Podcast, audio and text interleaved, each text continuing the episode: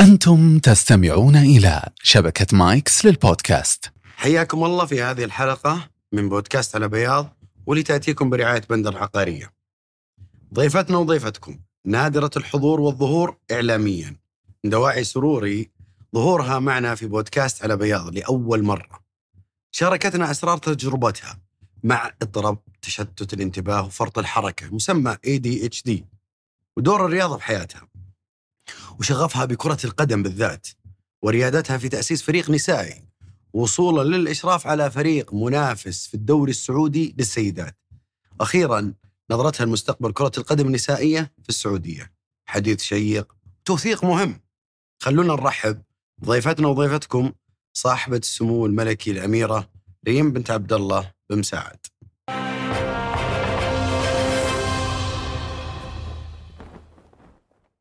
أول شيء آه، شكرا أميرة ريم إنك قبلتي الدعوة.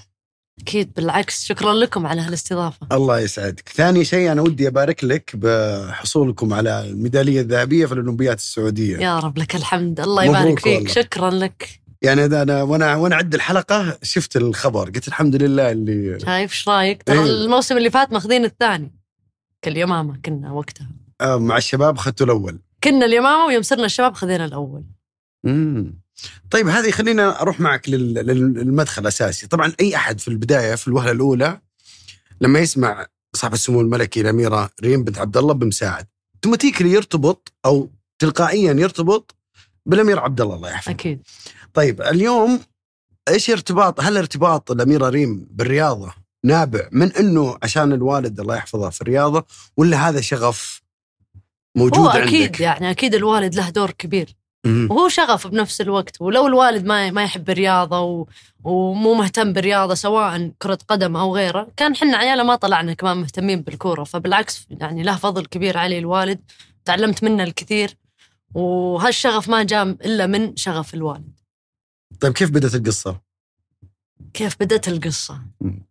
شوف حنا من حنا وصغار لازم الكل يمارس الرياضة سواء كرة قدم باسكت تنس. والوالد كان أصلا يحب يمارس رياضات مختلفة. دائما كل صيف في رياضة مختلفة ندخل فيها. فكان أقول لك قصة أنا وصغيرة كنت أحب الكورة مرة. وطبعا ما كان في بنات يلعبون كورة وقتها. يعني أنا بالنسبة لي كنت البنت الوحيدة بالعالم اللي تلعب كرة قدم. يعني لو تجي تقول لي ريم ترى شفت لاعب مثلا بنت تلعب كرة قدم كأنك قاعد تقول لي آه، الأسبوع اللي فات جاء كائن فضائي نزل علينا وتقهوينا وكذا وتكلمني عن القمر وأنا تكلمت عن هذا ف يعني ما راح أصدقك مستحيل كنت البنت الوحيدة أنا متأكدة من هالشيء طبعا أكيد ما كنت البنت إي طبيعي الوحيدة إي الصيغة. فكيف بدأت؟ مم. بدينا نلعب كورة أنا وإخواني آم، يوميا يوميا أربع خمس ست ساعات. آه، ومو بس الكورة الأمانة حتى الرياضات يعني دخلنا بالتايكوندو بالسباحة بالسكواش آه، ب- بتنس.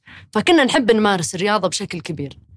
آه، لما بديت أكبر يمكن سن ثمانية تسعة كذا شفت أذكر أخوي عبد الرحمن كان رايح آه، يتمرن بأكاديمية.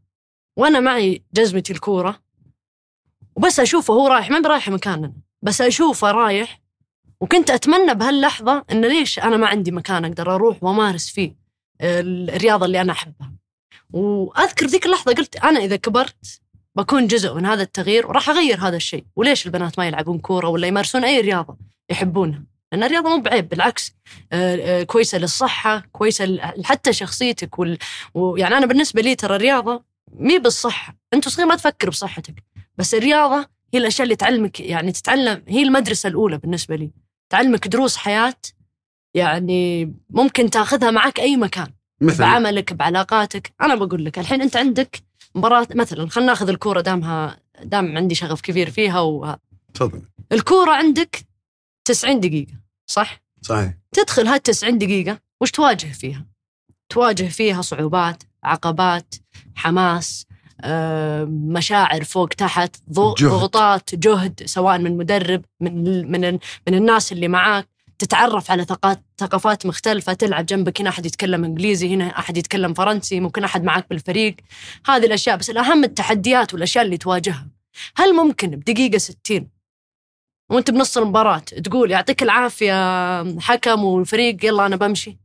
أكيد لا لازم تستنى لين توصل يعني أنت انضباط. تتعب إيه لين توصل هدفك وتدخل هدف وترجع من المباراة لازم تستنى صافرة النهاية هذه عشان تطلع صح ولا لا؟ صحيح. هذه الحياة هذه الحياة لو تا- تاخذها وتطبقها على حياتك اليومية تتعب تروح تسوي برزنتيشن لمديرك ولا بالمدرسة وتدرس وتروح تنجح ترسب كيف ترجع كيف كيف تقدر تحقق أحلامك وتوصل هدفك مع كل الصعوبات اللي تمر فيها. إن هذه هذه الحياة ما بسهلة. إذا أحد يحس إن الحياة سهلة وما فيها صعوبات بيتعب. يعني أنت- ولقد خلقنا الإنسان في كبد. ولقد خلقنا الإنسان في كبد. فمعروف الحياة راح تكون صعبة إذا أنت ما عندك القدرة. يعني أنا لما أتكلم معاك على الكورة وما أتكلم ترى بس الكورة ممارسة الرياضة بشكل عام. تعلمك تعلمك أنت أي أحد رياضي حولك لو بينك وبين زملائك قاعدين تلعبون لعبة ولا ورق ولا أي شيء الرياضي دائما هو اللي متحمس وما يبغى يخسر أو إذا تقول له أنت ما تقدر يقول لك ليش ما أقدر؟ لا أقدر حتى لو بالعمل حتى لو بالشغل. هذه عادة تبنيها. تبنيها وين؟ مو بس أكيد من الرياضة ولكن الرياضة لها دور كبير. التحدي العزيمة آه، الجهد التعب. أنت ما تتعب بس ذهنيا ذهنيا وجسديا و... وتجيك إصابة. وكيف أرجع أنا من الإصابة؟ كيف أروح أعالجها؟ تنظيم وقتك إيش آكل إيش ما آكل. مو على الصحة بس. أوكي الصحة جدا مهمة و... و... وعامل كبير أكيد. لكن هي جزء من كل. بالضبط. جزء من الكل. يعني مم. أنت اذا إذا عشان كذا دائما أحرص إن أي طفل ضروري نفس ما الدراسة مهمة حتى الرياضة مهمه لأن صدقني بهذه الرياضة راح يتعلم كثير. يعني أنا شفت مواقف قدامي يعني كان عندنا أكاديمية وأنا متأكدة بندخل بهالتفاصيل. بعدين ولكن يعني شفت بنات كانوا معنا بالأكاديمية. وكيف حتى أولاد صغار كيف شخصياتهم تغيرت من أول ما جونا لين الحين لما كبروا. تشوف بعض الأشياء فيهم قياديين أكثر ثقة بالنفس أكثر آه، حتى الطفل العصبي أو اللي اللي آه، يحب الحركة كثير و و ويمكن إنه يعني ينفعل كثير يدخل الرياضة لا يتعلم شلون وشلون يشتغل مع مجموعة وشلون يحترم آه، كل واحد عنده دور أنت مدافع هذا دورك أنت مهاجم هذا دورك أنت كابتن هذا دورك. هذه الأشياء حتى بالحياة أنت أخ كبير هذا دورك أنت مدير هذا دورك أنت موظف هذا دورك. فيبدأ يتعلم هذه الأشياء من هو وصغير فهي عادة ذهنية لازم لازم الواحد يتعود عليها. ما تجي يوم وليلة يوم وليلة تقول أنا بصير واحد بصير منظم بصير كذا. أكيد هي عادة لازم تبنيها. وإذا بنيتها من أنت وصغير تسهل عليك إذا كبرت. يعني انت بدايتك كانت آه، نقدر نسميها غيرة من عبد الرحمن من الأمير عبد الرحمن؟ لا أكيد بالعكس أنا بدايتي ما بالعكس هي إنه أنا أبغى ألعب كورة و... إيه، وأبغى مكان إيه. نلعب فيه كسيدات. أكيد شوف أنا لولا الله ثم يمكن أخوي عبد الرحمن ما يعني عبد الرحمن والأهل بشكل عام ما كان وصلت اللي وصلت اليوم. يعني أنا أنا وأخوي عبد الرحمن قريبين من العمر وهو وأكيد في بيننا تنافس أي إخوان في بينهم تنافس ولكن أكبر داعم لي.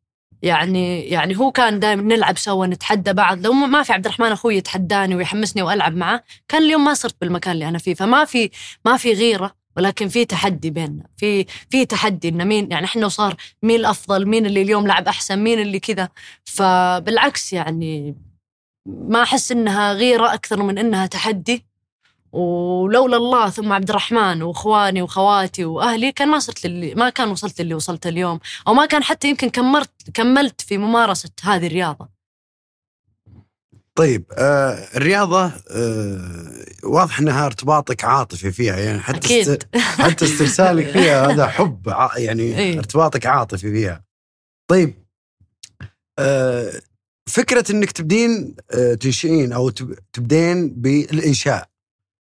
سواء كان أكاديمية أو حسب معلوماتي إن أنت أول واحدة بدت بعمل دوري آه للس... للسيدات للسيدات. إيه. شوف أنا بعطيك background على. الكره النسائية بشكل عام أو أنا أكيد مو أنا اللي يعني هي ما ما ما يقدر يجي شخص يقول أنا بديتها ولا أنا اللي كنت لا أول شيء كانوا في أكيد ناس قبل يمارسونها وقبل هذول الناس. كانوا في ناس قبلهم يمارسونها والنجاح مو بشخص واحد ولا شخصين يعني لو أنا مرة أحب الكورة وأبغى ألعب كورة وسويت دوري إذا ما في ناس يربطهم نفس هذا الشغف مم. وهذا الحب لهالرياضة ما كان وصلنا للي إحنا وصلنا له اليوم بس شلون ندخل فيها أنا أقول لك. عندك أنت الحين يعني أنا مثلا مم. بالدراسة خلينا نتكلم عن الدراسة لأن أنا مم. كيف أنا لما لما وصلت ال- الثانوي بعد الثانوي بعد ما تخرجت. اكتشفت إن عندي اي دي اتش دي فكيف اكتشفت آه، رحت آه، عندنا غرفه دراسة بالبيت دخلت عليها لقيت كذا مكتوب شيء كتب ريم قلت الله كتبي أنا وصغيرة يعني تعرف لما تبي تشوف خطك أنت صغير. وحركات وكذا. فدخلت وشفت ولقيت ADHD وكتب عن ال ADHD وكذا. رحت للوالدة قلت لها انه إن إن هذه هذا؟ كتبي ولا شلون؟ إيه. راحت قالت إيه إن أنت أنت يعني قد جاء دكتور أنت صغيرة وشفناك وكان عنده كان يقول إن عندها هي ADHD وش ال- الطريقة؟ كثير قالوا لها مثلا أدوية أعطوها أدوية أعطوها كذا. وما كان في دراسات حديثة زي اليوم. مم. إلا دكتورة واحدة جت قالت بنتك ترى ما فيها شيء okay عندها ADHD بس الحل حقها بسيط.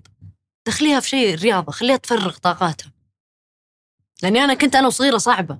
يعني كنت غير الفرط الحركة كنت مشاغبة. يعني كنت حقت مشاكل على قولتهم بس. مو مشا... يعني كنت محترمة الحمد لله. وكذا. ولكن أحب السواليف أحب ال...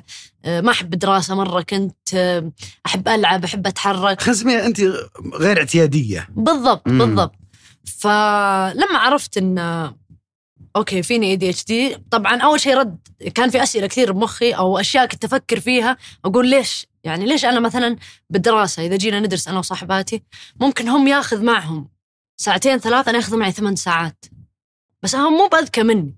يعني عادي لما نجي العلامات هي نفس الشيء بس هم مو بأذكى مني ولا ولا أشطر مني ولا ما في شيء ينقصني ولا عندهم اياه وأنا ينقصني.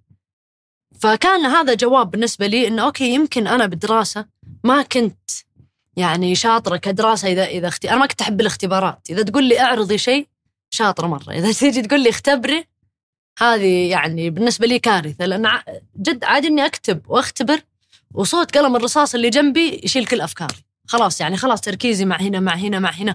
فكان صعب جدا إني أركز خاصة لو الشيء ما كان يعني ما كان مهم بالنسبة لي يعني ما كان شيء يحمسني. يعني أنا كنت أحب الرياضيات مثلا. رياضيات عادي أروح الاختبار ماني بدارسه وأجيب علامات. طبعا مو لما وصلت المتوسط والثانوي لازم أدرس. بس مم. بالابتدائية وقبل يعني إحنا بالبيت بشكل عام يعني أنا واخواتي عادي بس للتسلية نمسك مسائل الرياضيات. "آه، وش رأيكم نبدأ نحل ونشوف من يخلصها أول ومين صح. فكنت أحب الرياضيات فكنت شاطرة فيها. بس ما كنت أحب مثلا العلوم.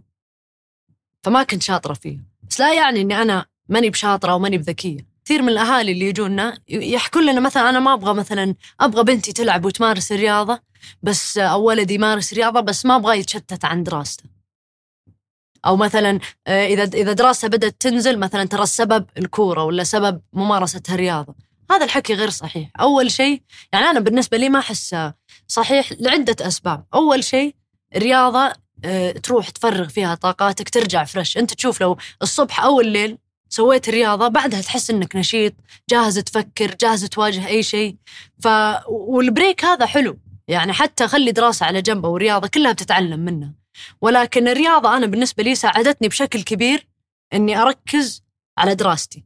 يعني مثلا يا ريم إذا ما حليتي مثلا هذا الواجب ولا ما خلصتي هذا ما أنت برايحه مثلا التمرين؟ ولا ما راح تروحين تلعبين كورة؟ ولا ما راح تروحين لل- لل- لل class الكاراتيه ولا التنس ولا اللي هو؟ فتقدر تمسك فيها طفلك ولكن لا توقفه من يمارس الرياضه لأن أنا بالنسبة لي هذه أكبر مدرسة. أنت الملعب أكبر مدرسة بالنسبة لطفلك. يعني هنا تتكون شخصيته هنا تتغير شخصيته. يعني أنا عدة مواقف مريت فيها مع أطفال كنت أدربهم وكبروا. أشوف فيهم أشياء تختلف عن المجموعة اللي حولهم. أنت شوف أي رياضة أي أحد يمارس أي رياضة يختلف يختلف عن الباقي. فيه ثقة نفس. ترى هذه جدا مهمة. ثقة. وهذه الأشياء اللي بتاخذها معك بالحياة. كيف تتعامل مع الناس كيف تكسب الناس كيف لما تكون في ضغط يكون في ضغط ويكون في آه، مثلا ضغط شغل ولا ضغط من العائلة ولا ضغط من من أي شيء. كيف أنت تسيطر على هال- هالموضوع؟ كيف أنت تكون مثلا يلا معلش آه، نقدر مثلا. لما تيجي تلعب. تكون خسران يلا معليش بنات نقدر نرجع نرجع. هذه تقدر تعلمك إياها رياضه إي بس آه، خليني أرجع لمحور ال ADHD إيه أنت قلتي إنه ما حد قال لك عنه انت اكتشفتيه من نفسك من الكتاب من إيه. الكتاب اي إيه. آه، آه، انت بعدين بعد ما اكتشفتي هالقصة وش سويتي؟ يعني بعد ما كيف اكتشفت تعايشتي معه؟ طبعا هو مصنف مو مصنف إنه مرض إيه. هو اضطراب أكيد فقط اي أنا بالنسبة لي لما عرفت أول. شيء كنت أقول الحمد لله إني ما كنت أعرف لأن لو كنت أعرف بهذا السن الصغير كان. حطيته عذر يعني مثلا أنا وصغيره ما كنت أعرف ان عندي ADHD بس كنت أسأل نفسي يعني ليش أنا مثلا ياخذني فترة طويلة أحفظ؟ و... و... ولا شيء؟ والبنات سهل مرة بالنسبة لهم أسهل مني. فصرت ألقى طرق لدراسة مختلفة. يعني بدل ما أكتب وأحفظ أنا مثلا خلاص أنا أعرف أحب أجيب الورقة أكتب فيها النقاط وأعمل نفسي يعني أجيب مرات خواتي أختي هيفا الصغيرة مثلا كنت أجيبها قاعدها وأشرح لها مثلا العلوم وش قاعدين نسوي وترى هذا كني كني مدرسة. فلقيت طريقة إني أنا أقدر أدرس وأفهم و... وأأدي بالشرح.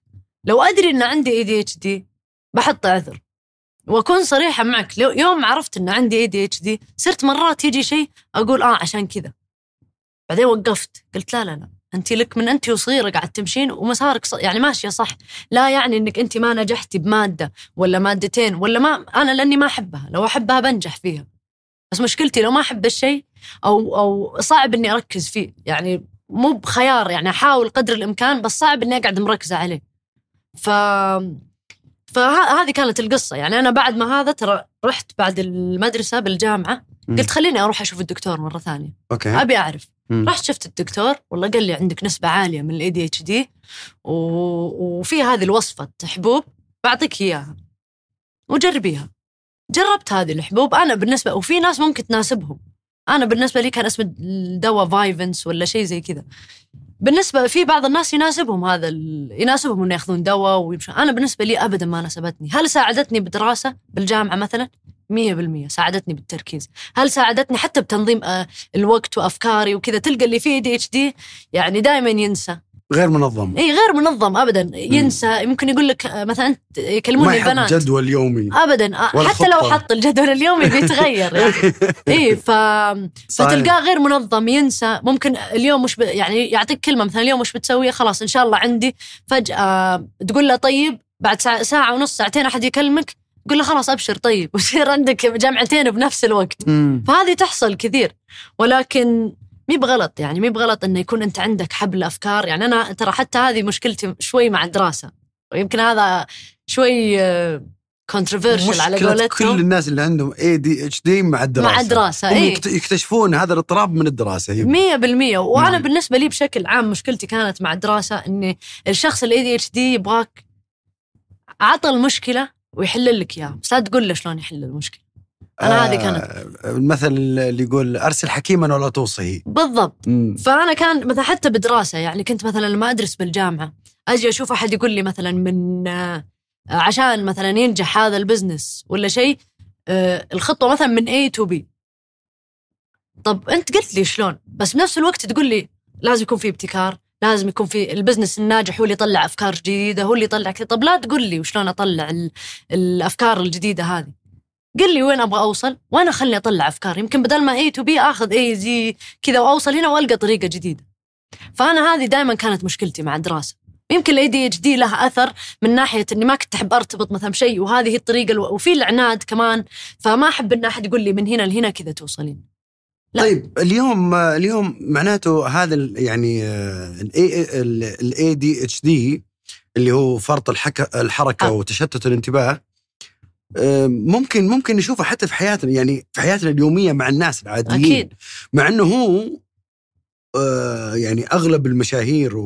وأغلب المبدعين عندهم هذا هذا الاضطراب. يعني عالميا مثلا مايكل جوردن عنده. صح. آه ويل سميث عنده الممثل. آه مايكل فيلبس صح. البطل, البطل الأولمبي. مين كمان؟ بيل جيتس أعتقد نفس الشيء. فهو ميزة بس كيف أفهم أنا اليوم من تجربتك أنت. طبعا أنا أبغى تجربتك من باب التشخيص وليس من باب أكيد، التشخيص أكيد. مو ليس من باب التشخيص الطبي إيه. ولكن من التجربة. آه بالنسبة لي من التجربة يعني شوف معروف اللي عنده ADHD ال IQ حقه عالي. بالضبط. اي و creative يعني يحب الإبداع يحب التفكير آه، آه، يعني شوف ليش هو أي أحد يقدر ينجح وما هو بعذر سواء عندك ADHD ولا ما عندك ADHD بالأخير أنا سبب النجاح ولا الواحد إنه يوصل للنجاح هو الشغف يبدأ بالشغف. يعني أنا دائما أقول مثلا أحد يقول لك لا يعني برجع للكورة معليش بس إذا. لو واحد يقول لك مثلا لاعب إنه ليش تمارس هالرياضه ولا تكون لاعب كورة خليك مثلا طبيب ولا خليك آه، أي أي شيء ثاني.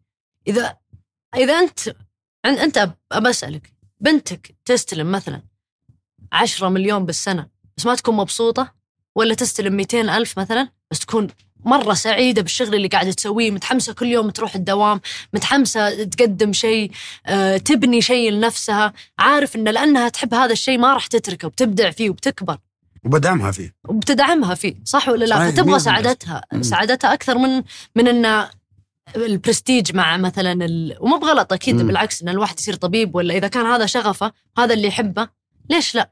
اللي اللي اللي ودي أقوله لك آه، أميرة إنه اليوم ال ADHD ممكن يواجه ال- ال- ال- اللي عندهم هذا الاضطراب ممكن يواجهون آه، ما ودي أسميه عداء من المجتمع ولكن م، عدم تقبل من المجتمع لأنه مو شخص عادي صح. ما يفكر بطريقة عادية حركته مي بعادية. متطلباته كثيرة لأنه مبدع ويفكر خارج الصندوق. صح. شلون نقدر نعرف كيف نقدر نتعامل في المجتمع؟ يعني هذا الوعي اليوم يعني أنا أتكلم عن نفسي. أنا أول مرة أسمع عنه معك. إي. هو الامانه يعني ADHD ترى كثير ناس يمكن يكون عندهم ADHD وال scale يختلف. يعني في اللي عنده آه يعني مثلا نقول هذا ال spectrum في اللي أعلى في اللي أوطى في اللي كذا. ففي ناس ممكن يكون عندها ADHD بس ما تكون عارفة. فهو ما هو يعني أنا ماني بدكتور ولا وأنا أتكلم عن عن تجربة شخصية أنا مريت فيها. هل هو صعب؟ إذا ما عرفت تتعايش معه إي صعب. إذا أنت ما تعرف أنت وش فيك. وما تعرف أنت وشلون تنظم أفكارك وفيك الضغط اللي لا أنت ليش ما تسمع؟ أنت ليش ما تركز؟ طب ركز معي دقيقتين ومثلا تشوف كثير أطفال مثلا يحاولون يدرسونهم أمهاتهم ولا أبهاتهم. لا ركز لا ركز. يا أخي هذا الولد ما يركز ولا هذه البنت ما تركز ولا كذا. ممكن يكون في سبب. اضطهاد من بالضبط. الوالدين. وهذا ما راح يكون يعني يعني ترى ما هو بعائق إنك أنت تنجح. أنت قلت آه، بعض الأسامي الآن مشهورة ومعروفة عالميا وأنا متأكدة لو بحثت زيادة بعد بالأسامي راح تلقى ناس كثير عندهم اي دي اتش دي مبدعين جدا. هي الفكرة بس إن فيهم فرط حركة فيهم تشتت عادي ممكن يعني تقول له شيء بعد ساعة ينسى. أنا هذا أكثر شيء يمكن ي... كل أحد يتعب معي فيه. انه عادي توك مسكر مني. تقول لي ريم مثلا آه ترى الموعد الفلاني الساعة كذا. دقيقتين بعدها أركز بشيء ثاني يجي الموعد الفلاني وأنا وأنا مو بناسي عنه. خلاص يعني ولا كأن المكالمة صارت. بس مو هو بشيء آه لا أنت تقصد تسويه. صارت معنا قصة معك. إيه. صارت مع دانا القصة. جيت. بس أقول لك عشان تعرف يعني خلاص أعطتني هذه الكلمة خلاص بمخي براسي. ولا شيكت مثلا. أنا أصلا عندي شخص آه، يعني معي لولا الله ثم هي كان. صرت في داهيه على قولتهم. يعني في. اللي معي نادين نادين الدرباس هي يدي. اليمين. يعني من دخلت الكورة وتعرفت أصلا عليها من الكورة. وبدأت تشتغل معي سواء بالشغل الشخصي أو بالكورة معي دائما وهي جدا منظمة وجدا كذا. فصرت خلاص أقول لها أي إيميل يجي أو أي شيء انت شيكي عليه وأعطيني أنا يعني رتبي لي أفكاري. لأني أنا ما عاد أقدر. يعني فصعب صعب إنك لو أنت أنت شخص مثلا غير مرتب ولا غير لا ما هو آخر الدنيا لا تقدر أنت جيب شخص معك يساعدك بهالشيء وحتى لو ما عندك القدرة ترى أنا إلى يومك هذا مثلا ما عندي أحد مثلا غير نادين okay تساعدني بالإيميلات وكذا بس ما عندي أحد مثلا assistant معاي تساعدني ترتب لي مواعيدي وكذا أحب أتحدى نفسي لا أتذكر لا أسوي. بس تقدر تلقى طرق تنفع لك أنت كشخص عنده ADHD إنك تكون منظم. بال notes تكتب مثلا بعض الأشياء أو Google Calendar تحط لك بعض المواعيد. ولكن أنا نصيحتي لأي أحد يمكن عنده ADHD ونصيحتي له ونصيحة بعدين للأهل نص- أو أو لصحبات أو الناس. اللي ممكن يعرفون أحد عنده ADHD أول شيء نصيحتي للشخص اللي عنده ADHD لا يحطه كعائق ولا ك يعني كشيء ممكن. يعني عائق لا يحطه عائق لا لا لا ليس ولا عنده عذر. ردة فعل ولا لا لا يحطه عائق ولا عذر لأنه ما هو بعذر يعني أنت لما تقول بالعكس أنت مبدع جدا. إيه أنت مبدع. أنت عندك أفكار. هذا مو بشيء غلط. أنت عندك حبل أفكار. يمكن اليوم يعني وتشوف يمكن الحين أنا وياك نفس الشيء نط من من نقطة لنقطة لنقطة لنقطة. بس بالعكس الشخص. اللي عنده اي دي اتش دي يعني عنده مميزات وعنده عيوب زي أي شخص ثاني. وإذا عرف كيف يتفاهم معها وما حطها عذر لأنه ما هو بعذر. لا تحطها عذر. ولكن وين الناس ممكن تعذرك شوي. طريقتك. يعني مثلا أحد نفسه شوي. يعني أنا خلاص أهلي بدوا يتعودون. مثلا جوالي دايم ناسيته مكان. مواعيدي يعني الحين أفضل بكثير بس أنا وأصغر عادي نسوي عشر آه، جمعات بنفس الوقت. وأروحها كلها ما أدري شلون يعني حركة جدا. الرقم السري يضيع. ما إيه طبعا. هذا إذا في. رقم سري. الأرقام السرية هذه آه، لا هو شوفي آه، طبعا أنت قبل شوي تكلمتي آه، الله يسلمك أنت قلتي نط من نقطة لنقطة لنقطة. هذه واحدة من مميزات البودكاست. بودكاست تكون على طبيعتك.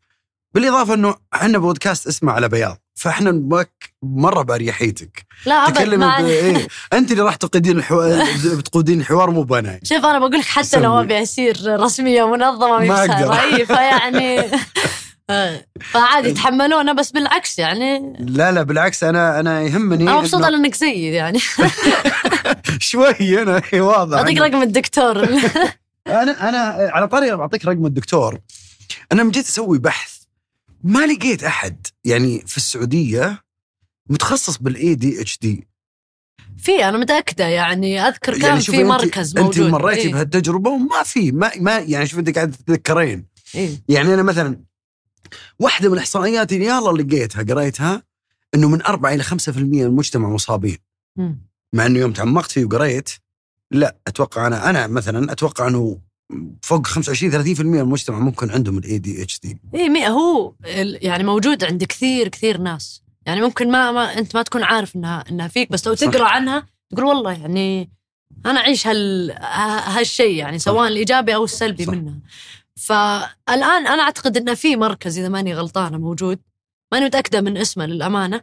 ولكن في- في, في- هنا بالسعودية بس بشكل عام أنا يعني ما ح... في جمعية. في جمعية في اي جمعية اسمها جمعية إشراق. اي آه، أعتقد إنها كانت أفتار أول وصارت إشراق. اي آه، إحنا طبعا من على من من من بوابة آه، بودكاست على بياض. راح نحط إن شاء الله ال- اللينك حق الرابط حقهم آه. تحت في الوصف الحلقة. لأنه نبغى الناس هذا جزء من من الرسالة حق أكيد البودكاست أكيد. اللي حتى اتفقت أنا وفيها على دانا قبل يمكن تقريبا أسبوعين. اي إنه لابد يكون في رسالة. فسبحان الله صادفت وجودك معنا.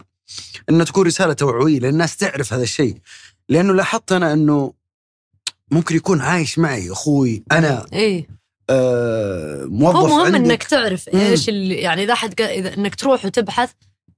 وتعرف مو بغلط فإن الواحد يحس إنه مثلا في مثلا تشتت تركيز عنده فرط حركة آه، ملخبط ما ما يعرف ينظم وقته آه، مثلا بالدراسة عنده بعض الأشياء هو كويس فيها جدا بعدين بعض الأشياء ما يعرف شلون ما يقدر يحفظ ما ما عاد صار عنده القدرة يعني ما في شوف ما في شيء اسمه ما عندي القدرة. هذه أنا كلمة مستحيل يعني أنا يمكن مع ال ADHD وتجربتي الشخصية وأكيد. يعني كل شخص يفرق عن شخص.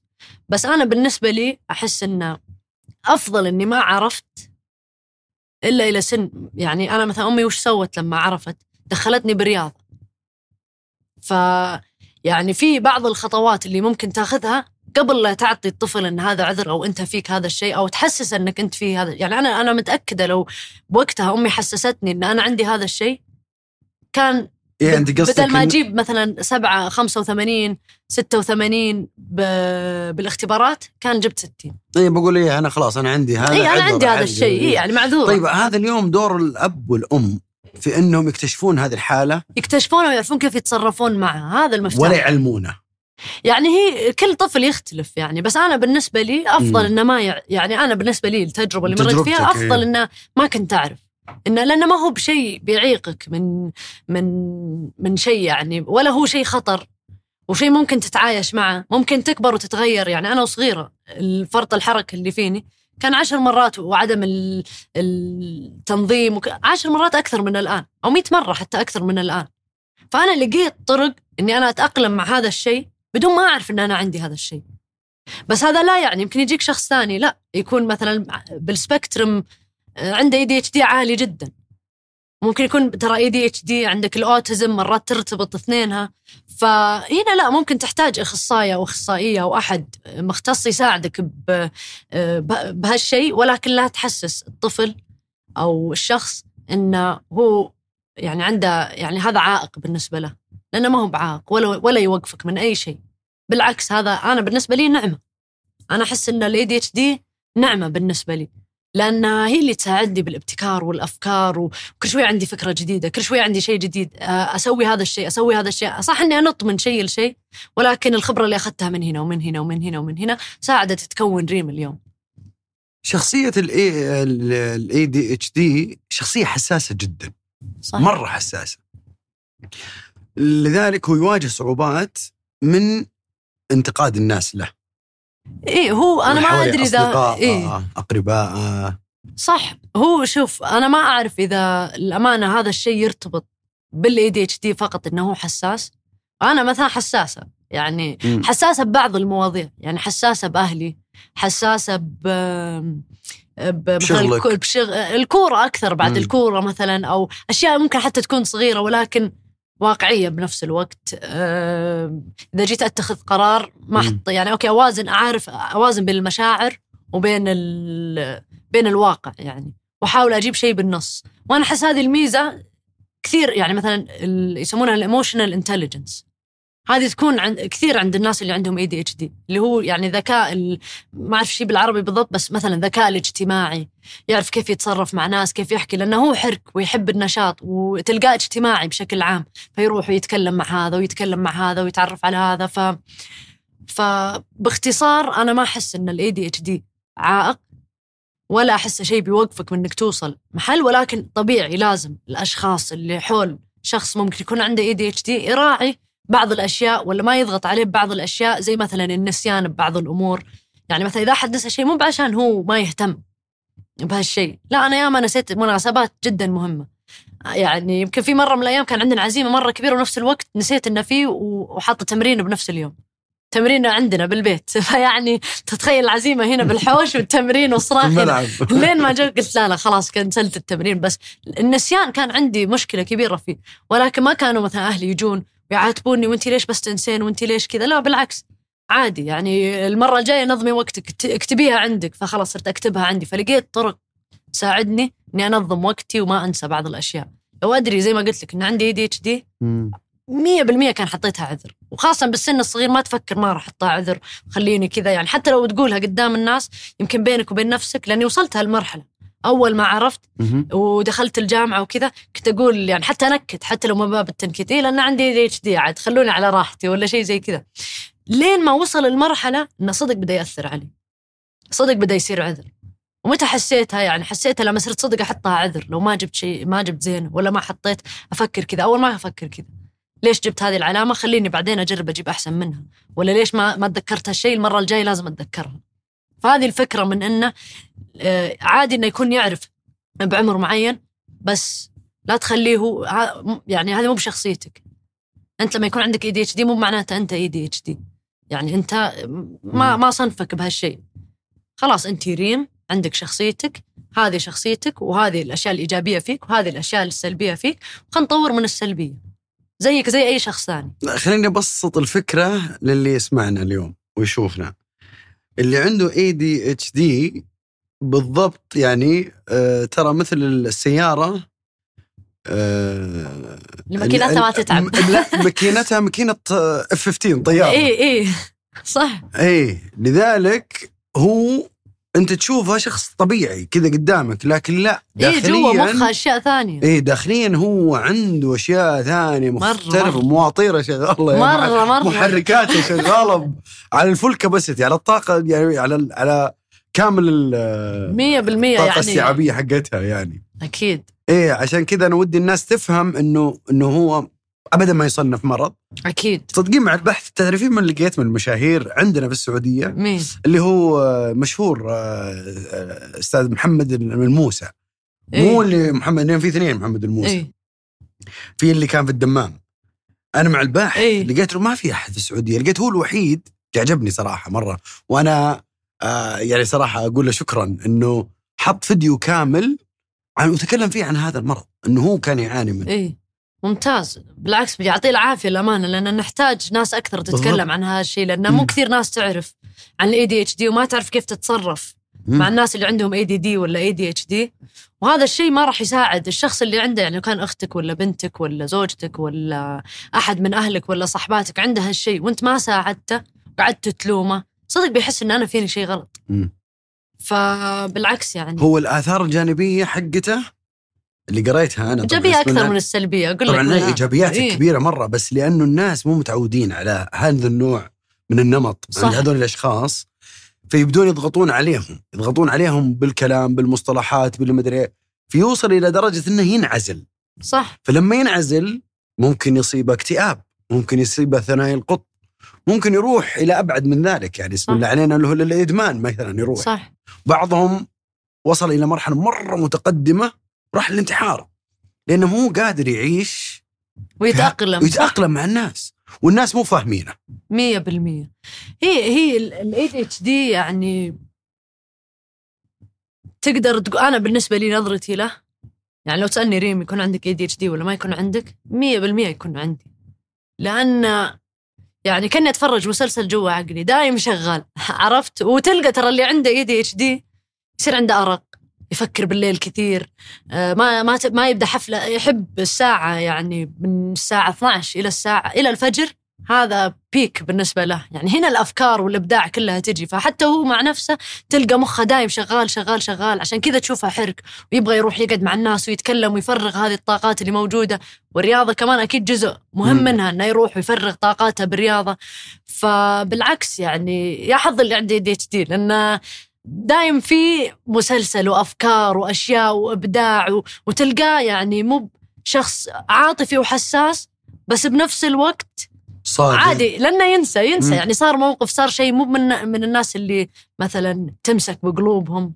أو طبعا أتكلم عن نفسي ما أدري إذا كل اللي بال ADHD بس أغلب اللي أعرفهم واللي عندهم هالشيء. تقريبا هذه صفات مشتركة لأنه بالضبط. صادق كريم ما يحب النفاق ولا يعيش في جو النفاق ابدا بالضبط. ابدا. ولا يحب يزعل أحد. ولا يحب يزعل أحد. والمجاملات الزايدة مرة تضايقه صح. لأنه صريح. صريح جدا. صريح. اللي على قلبه بلسانه. بالضبط. هذا يمكن يجيب فيه العيد وممكن إيه، يساعده إيه، بس بعضهم اي بعضهم قد يسبب له مشاكل. صح. صراحة الزايدة ذي تسبب له مشاكل مشاكل كبيرة مع مع- في مواقف شركات. صح. اي آه، ولكن إذا عرف يسيطر عليها بالضبط. وعرف الطريقة الناس اللي والناس. اللي حوله لازم أكيد تدعمه. ترى مهم جدا الناس اللي حوله يعرفون. يعني أنا قبل شوي تتكلمين عن الأفكار ذكرت مثلا وأنا أقرأ في واحد مثله قال مثل ال- شو اسم الماكينة دانا حقت ال- البوب كورن اللي يطلع البوب كورن ماكينة البوب اي مو ماكينة إيه. البوب كورن شو اسمه ماكينة فشار هذه؟ شو اسمه؟ ما أدري شو اسمه. يقول هو مخ ال ADHD زي كذا. بالضبط. بالضبط. هو يشتغل كذا. نايم صاحي هو كذا يشتغل. صح. هذه. يعني يا إنك أنت إذا عندك ADHD لأن الرسالة بعد اللي عنده ADHD بالضبط. يا إنك تاخذ هذا. هذا الشيء تخليه شيء إيجابي بالضبط. وتستفيد منه لأن ترى في ناس تتمنى إن عندها هذا الابتكار وحل الحل المشاكل. دائما عندهم حل سريع. دائما عندهم حل دايماً. إيه؟ يعني أي شيء تقول له يا خلاص عادي مو مشكلة لو تبغاها تركيب لو تبغاها حل مشكلة لو كذا فدايم عنده الحل ويعرف كيف يتصرف بال يعني on spot على قولتهم إذا حطك الآن وأرمي عليك سؤال ولا ولا لازم تتخذ قرار تلقاه يعرف يتخذ قرار يعرف كذا فإذا أنت مارست هالشيء وما خذيته بشكل سلبي وأخذت الإيجابيات ال- لك أنت راح تتطور كثير ولكن لو خذيتها بشكل م- سلبي دائما متهم إنه يقاطع. أوف طبعا دائما متهم يجادل. يجادل. يجادل ويقاطع هذه اسمعها دايم. متسرع في اتخاذ قراراته. هذه كلها. اتهامات كلها اتهامات للي عندهم اي دي شوف اتهامات بس بيني وبينك بعضها. هي صدق يعني. زينة. إي إي. يعني دايم وين أنت تجادلين كثير. متأكدة؟ أنت شكلك عندك ال ADHD والله والله اعتقد ما إيه. ادري لأن كثير كانت تجيني ملاحظات من دان ومن أحمد. تراك تقاطع الضيوف تراك تقاطع الضيوف. أنت تقول فكرة يمكن أقول كلمة وأنت. تسمعني ومركز معي. مم. بس من الكلمة هذه جتك أربع خمس أسئلة بس ونسيت عن الباقي اللي قاعد. أقوله. اي طبيعي جدا. ولكن آه، أنا أشوف إنه شيء إيجابي. الصدق يعني صح. أشوفه شيء إيجابي وأنا عن نفسي ساعدني كثير. ما كان عائق ابدا. بالعكس ساعدني ويمكن أحلى صفة فيني هي الصفات اللي تربطني بال ADHD اليوم علاقة الاميره ريم بالرياضة هواية ولا احتراف؟ كلها للأمانة كيف كلها؟ يعني أنا أحب الرياضة امم تمارسينها بشكل يومي عادي؟ آه أكيد أمارسها بشكل يومي. عادي للأمانة يعني دائما ألعب كورة أدخل معهم بادل احتراف يعني فيه جدول ولا شوف رحت أتمرن معهم لا شوف آه، أكيد هي هواية بالنسبة لي. ما ما أمارسها بشكل احترافي إن كان يعني مع نادي ولا مع شيء ولكن أعيشها بتجربة احترافية مع البنات اللي معي بالنادي بالتمارين اللي اللي اللي يحضر يحضرونها بالترتيب. فيمكن بشكل إداري أقدر. أقول لك أو إداري احترافي ولكن إني أمارسها بشكل احترافي للأسف آه، لا لأنه ما عندي الوقت. طيب آه، الرياضة النسائية ترف ولا ضرورة؟ ضرورة كيف؟ لأنها أكيد ضرورة يعني أنت بالأخير هذه فيها غير الصحة والأشياء المهمة اللي قلنا فيها يعني عندك الصحة مم. عندك الأشياء الاجتماعية المرأة جزء من المجتمع بس بالأخير أكيد نفس ما الرجال لازم يمارس على صحة يمارس رياضة وصحته وحتى الرياضة ترى يعني أنت تكون مضغوط بيومك آه، بشغلك تطلع تمارس رياضة تغير جو وحتى healthy بالنسبة لك شيء صحي وتغير. فأكيد إنها شيء مهم جدا إن إن المرأة تكون تمارس الرياضة ويكون لها مجال آه، يعني ما تقدر تسوي career من من الرياضة. وأنت شايف هذا الشيء اليوم. يعني خلينا نتكلم الآن عن تأثير الرياضة النسائية على على المجتمع. مم. تمام؟ عندك أنت خلينا ناخذ الفريق الكورة كمثال. أنا جيت أبغى أكون فريق. إيش أحتاج بالفريق؟ غير اللاعبات اللي بيجون يمارسون معي بحتاج لاعبات مدرب طقم صح؟ آه، معدات آه، علاج طبيعي إداري إداري منسق. منسق. فهذه الأشياء كلها لو ترجع قبل عشر سنين حتى قبل خمس ست سنين ما في مراكز طبية ما في مر- مركز طبي. يعني الآن مثلا عندنا الراعي مرك... آه، حق نادي الشباب. مركز موف. لو تدخله ما تحلم إنك تلقى شيء زي كذا بالسعودية أول لو يجيك تمزق تروح تسوي آه، أشعة يقول لك ما فيك شيء بس بجبس لك رجلك إنه تمزق صح ولا لا تجبيس غلط غلط إنك أنت تجبس رجلك إذا فيك ما. في ثقافة طبية ما في. ثقافة طبية. أما الآن لما دخلت سواء رج... يعني هي مهمة قلنا لل... للرجال للنساء والرجال والرجال. اثنينهم لما أنت تجي للكورة تشوف أنت كفريق إيش الأشياء اللي تحتاجها طب هذه وظائف صح للناس؟ اللي بيبيع لك المعدات اللي بيأجر لك الملعب اللي بيدربك اللي بي بيحكم. فأكيد إنها مهم جدا للسيدات وللرجال. هذه على مستوى الرياضة بشكل عام. طيب خلينا ننزل شوي نروح للتأسيس الأكاديميات وتأسيس فريق كرة القدم. وعندك أكاديمية حق أكاديمية السباحه يعني أنت الآن بديتي تاخذينها احتراف واستثمار؟ اي شوف أنا بقول لك قصة. أكيد احت... يعني أنا هذا اللي أقوله إذا لقيت عندك طفل عنده شغف بشيء حتى لو مو بس الرياضة ترى بس الرياضة مهمة وحتى لو مو بس الرياضة ادعمه فيه خله يكمل فيها. ليش؟ لأن أنا من شغفي وحبي للرياضة قدرت أبني كارير صح ولا لا؟ قدرت أنا أفتح فريق سويت فريق. أنا طبعا الفريق كان موجود قبل نادي اليمامة ولكن لما دخلت النادي يعني أنا بقول لك قصة نادي اليمامة. اي تفضلي. أول ما بدينا 2006 2007 طبعا وقتها أنا كنت صغيرة ولا أعرف انه في بنات يلعبون. زي ما قلت لك كنت ألعب مع عبد الرحمن أخوي. وكنت أتمنى هالشيء. بعدها بكم من سنة سنتين ثلاثة جتني واحدة من صاحباتي قالت لي ريم في فريق كورة بنات ونبغاك تجين تلعبين معانا. طبعا أنا كانت بالنسبة لي صدمة. يعني رحت لأمي أبكي أبكي إن تخيلي في فريق بنات وفي بنات يلعبون كورة وأنا مو أنا البنت الوحيدة ومن هالكلام وكذا. وطبعا دعمتني وروحي والعبي وانبسطي وهذا. وعد ترى يوم المباراة كان كان نفس يوم آه عرس خالي. فيعني كانت كان فيها بس أول ما شافتني كذا قالت لي روحي روحي إلعب. لا تجينا العرس تخيل. وعد خالي المفضل وقتها يعني كان صعب حتى أنا بالنسبة لي بس حلو. فرحت ولعبت معاهم وتعرفت على الكوميونتي آه، والمجتمع المجتمع الكورة عندنا بالسعودية. فدخلت فيه كنت ألعب. بعدين آه، طبعا أنت بالكورة بالفرق هذه البنات اللي يلعبون نفسهم اللي يديرون نفسهم اللي يدربون نفسهم اللي ينسقون نفس يعني آه، تلبس أكثر من طاقية على قولتهم أو يعني تقريبا شبه لعب حواري بس حواري، بالضبط. بس أطقمهم زي بعض. لكن لا وين؟ كان كل واحد عنده طقم كل فريق له طقم. اي أنا أقصد إنه كل يعني إيه. الفريق نفسه طقم بالضبط. واحد يعني بالضبط، مو كل. واحد لابس على كيفه. أكيد أكيد. إيه. فبعدها بسنتين ثلاثة دخلت مجتمع الكورة بديت أعرف إنه والله في فرق في بنات يلعبون و... ودخلت فريق اليمامة ووقتها كان ماسكتها الأستاذ أضول آه، عريفي العريفي. إيه فكان بالنسبة لي حلم. فبدينا نلعب وكنا نواجه مثلا صعوبات بالملاعب صعوبات بالكذا وحنا كان عندنا ملعب خاص بالبيت.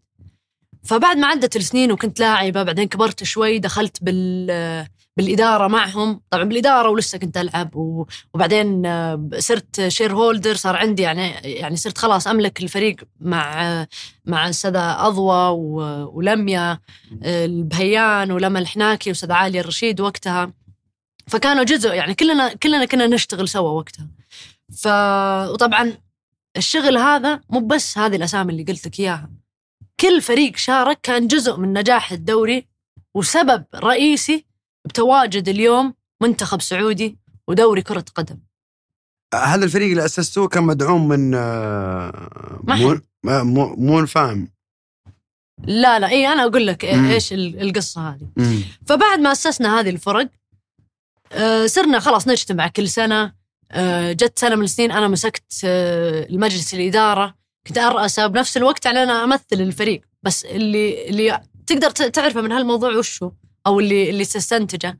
إنه جوا الملعب كلنا كبنات كنا كنا الهلال والنصر يلعب ولا يعني كذا مباريات ديربي. كل مباراة لنا كانت ديربي. لازم نفوز لازم كذا كل الفرق. ولكن. برا الملعب كلنا يد واحدة. يعني أنا ألعب مثلا ضد فريق دانا مثلا آه آه، مثلا أنت فريقك يجي يحكم. كذا. وأنا ألعب ضدك أنت تحكمين مثلا. فكان فيها طيب هنا في تضارب مصالح؟ لا لا ما كان فيها لأن عارفين الهدف. آه. عارفين وين نبي نوصل. عرفت؟ فجوا الملعب في تنافس. بس نجاح الدوري هو كان كان آه، آه، الشيء الرئيسي بالنسبة لنا كلنا. لأن حققت ما حققت يعني ما حد بيتذكر هذا الشيء. بس الكورة بيتذكرون كيف وصلت لهنا. وش قصة الكورة وكيف وصلت لل- للمكان اللي هي فيه الكرة النسائية المكان اللي هي فيه اليوم. فنقلنا مثلا وقتها ما كان عندنا ملاعب صار كل الدوري عندنا بالبيت في الملعب كل الدوري سنة كاملة. فكنا نلعب وكنا نساعد بعض. يعني عادي بكرة أنا عندي مباراة نهائية مثلا ضد فريق الفلاني الفريق الفلاني يكلمنا عادي نتمرن اليوم ملعبكم وبكرة مباراة. إيه تعالوا أكيد الله يحييكم يجون يتمرنون نروح نساعدهم ببعض التمارين بعض الفرق إذا كان مستواها مو مره نروح نساعدهم بالتمارين بالمعدات بالكور بالملابس فكان في يعني ال community هذا في تنافس عالي بس في حبية وفي شغف وفي هدف واحد نبغى نوصل. فلما كونا هالفرق. وصار في دوري صرنا نقول okay طب إحنا نبي نلعب زيادة يعني دوري واحد بس ما يكفي. ونبغى يعني مثلا فرص أكثر للأندية الثانية كمان تقدر تمارس وتلعب. وتشارك وممكن حتى نطلع يعني إنه okay ترى في بنات يلعبون كورة. وحنا وقتها ما كنا حريصين على هذا الشيء مو عشان شيء كنا بس نحب نلعب ونبي نلعب. هذا اللي كان كان هذا هذه فقط. ما أوكي بنوصل شيء عارفين بنوصل. ولما يجي الوقت المناسب بنوصل. بس بلحظتها نبي نلعب كيف نلعب؟ وترى وقتها في جمهور جمهور طبعا صاحباتنا وسيدات كلهم وكذا بس كان في حماس يعني كبير عادي إن الحضور 100 120 شخص 150 شخص. اي بعض المباريات كان فيها أشخاص. أكثر من الحضور الحين. اي ورابطة.